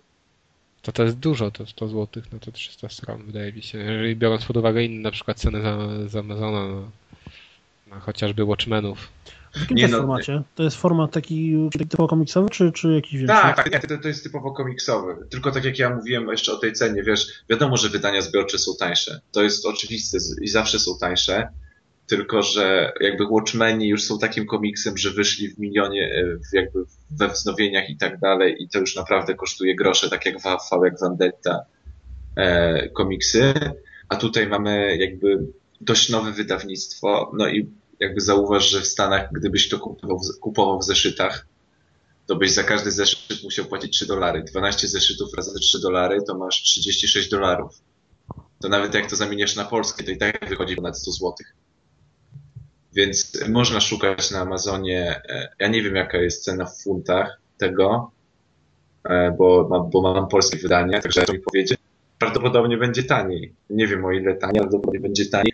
I jeśli to raczej z uwagi na to, że zdobyło te nagrody i raczej jest dość popularne, myślę, że też będzie, będzie trafiało właśnie do jakichś takich różnych, będą do druki, będzie, bę- e, będzie wznawiane, więc będzie raczej szeroko dostępne. Więc jak e, ktoś nie chce teraz kupować, to warto chociaż mieć gdzieś tam w tyle głowy i sobie coraz przeglądnąć i sprawdzić, czy, czy akurat nie ma jakiejś na przykład właśnie na Amazonie. Ale, ale zdecydowanie bym naprawdę polecił jako, jako jeden z fajniejszych komiksów, e, które ostatnio w ogóle czytam. Okej, to będziemy panowie kończyć. Tadam. 2,36. Tak szybko? Masakra. No. Mówię tylko do usłyszenia. Możecie się pożegnać, panowie. Żegnaj. Dziękuję za... Na razie. Już się chciał pożegnać. Cześć. Tadeusz. Profesora. Glińskiego też pozdrawiam. Okej. To jeszcze raz, cześć.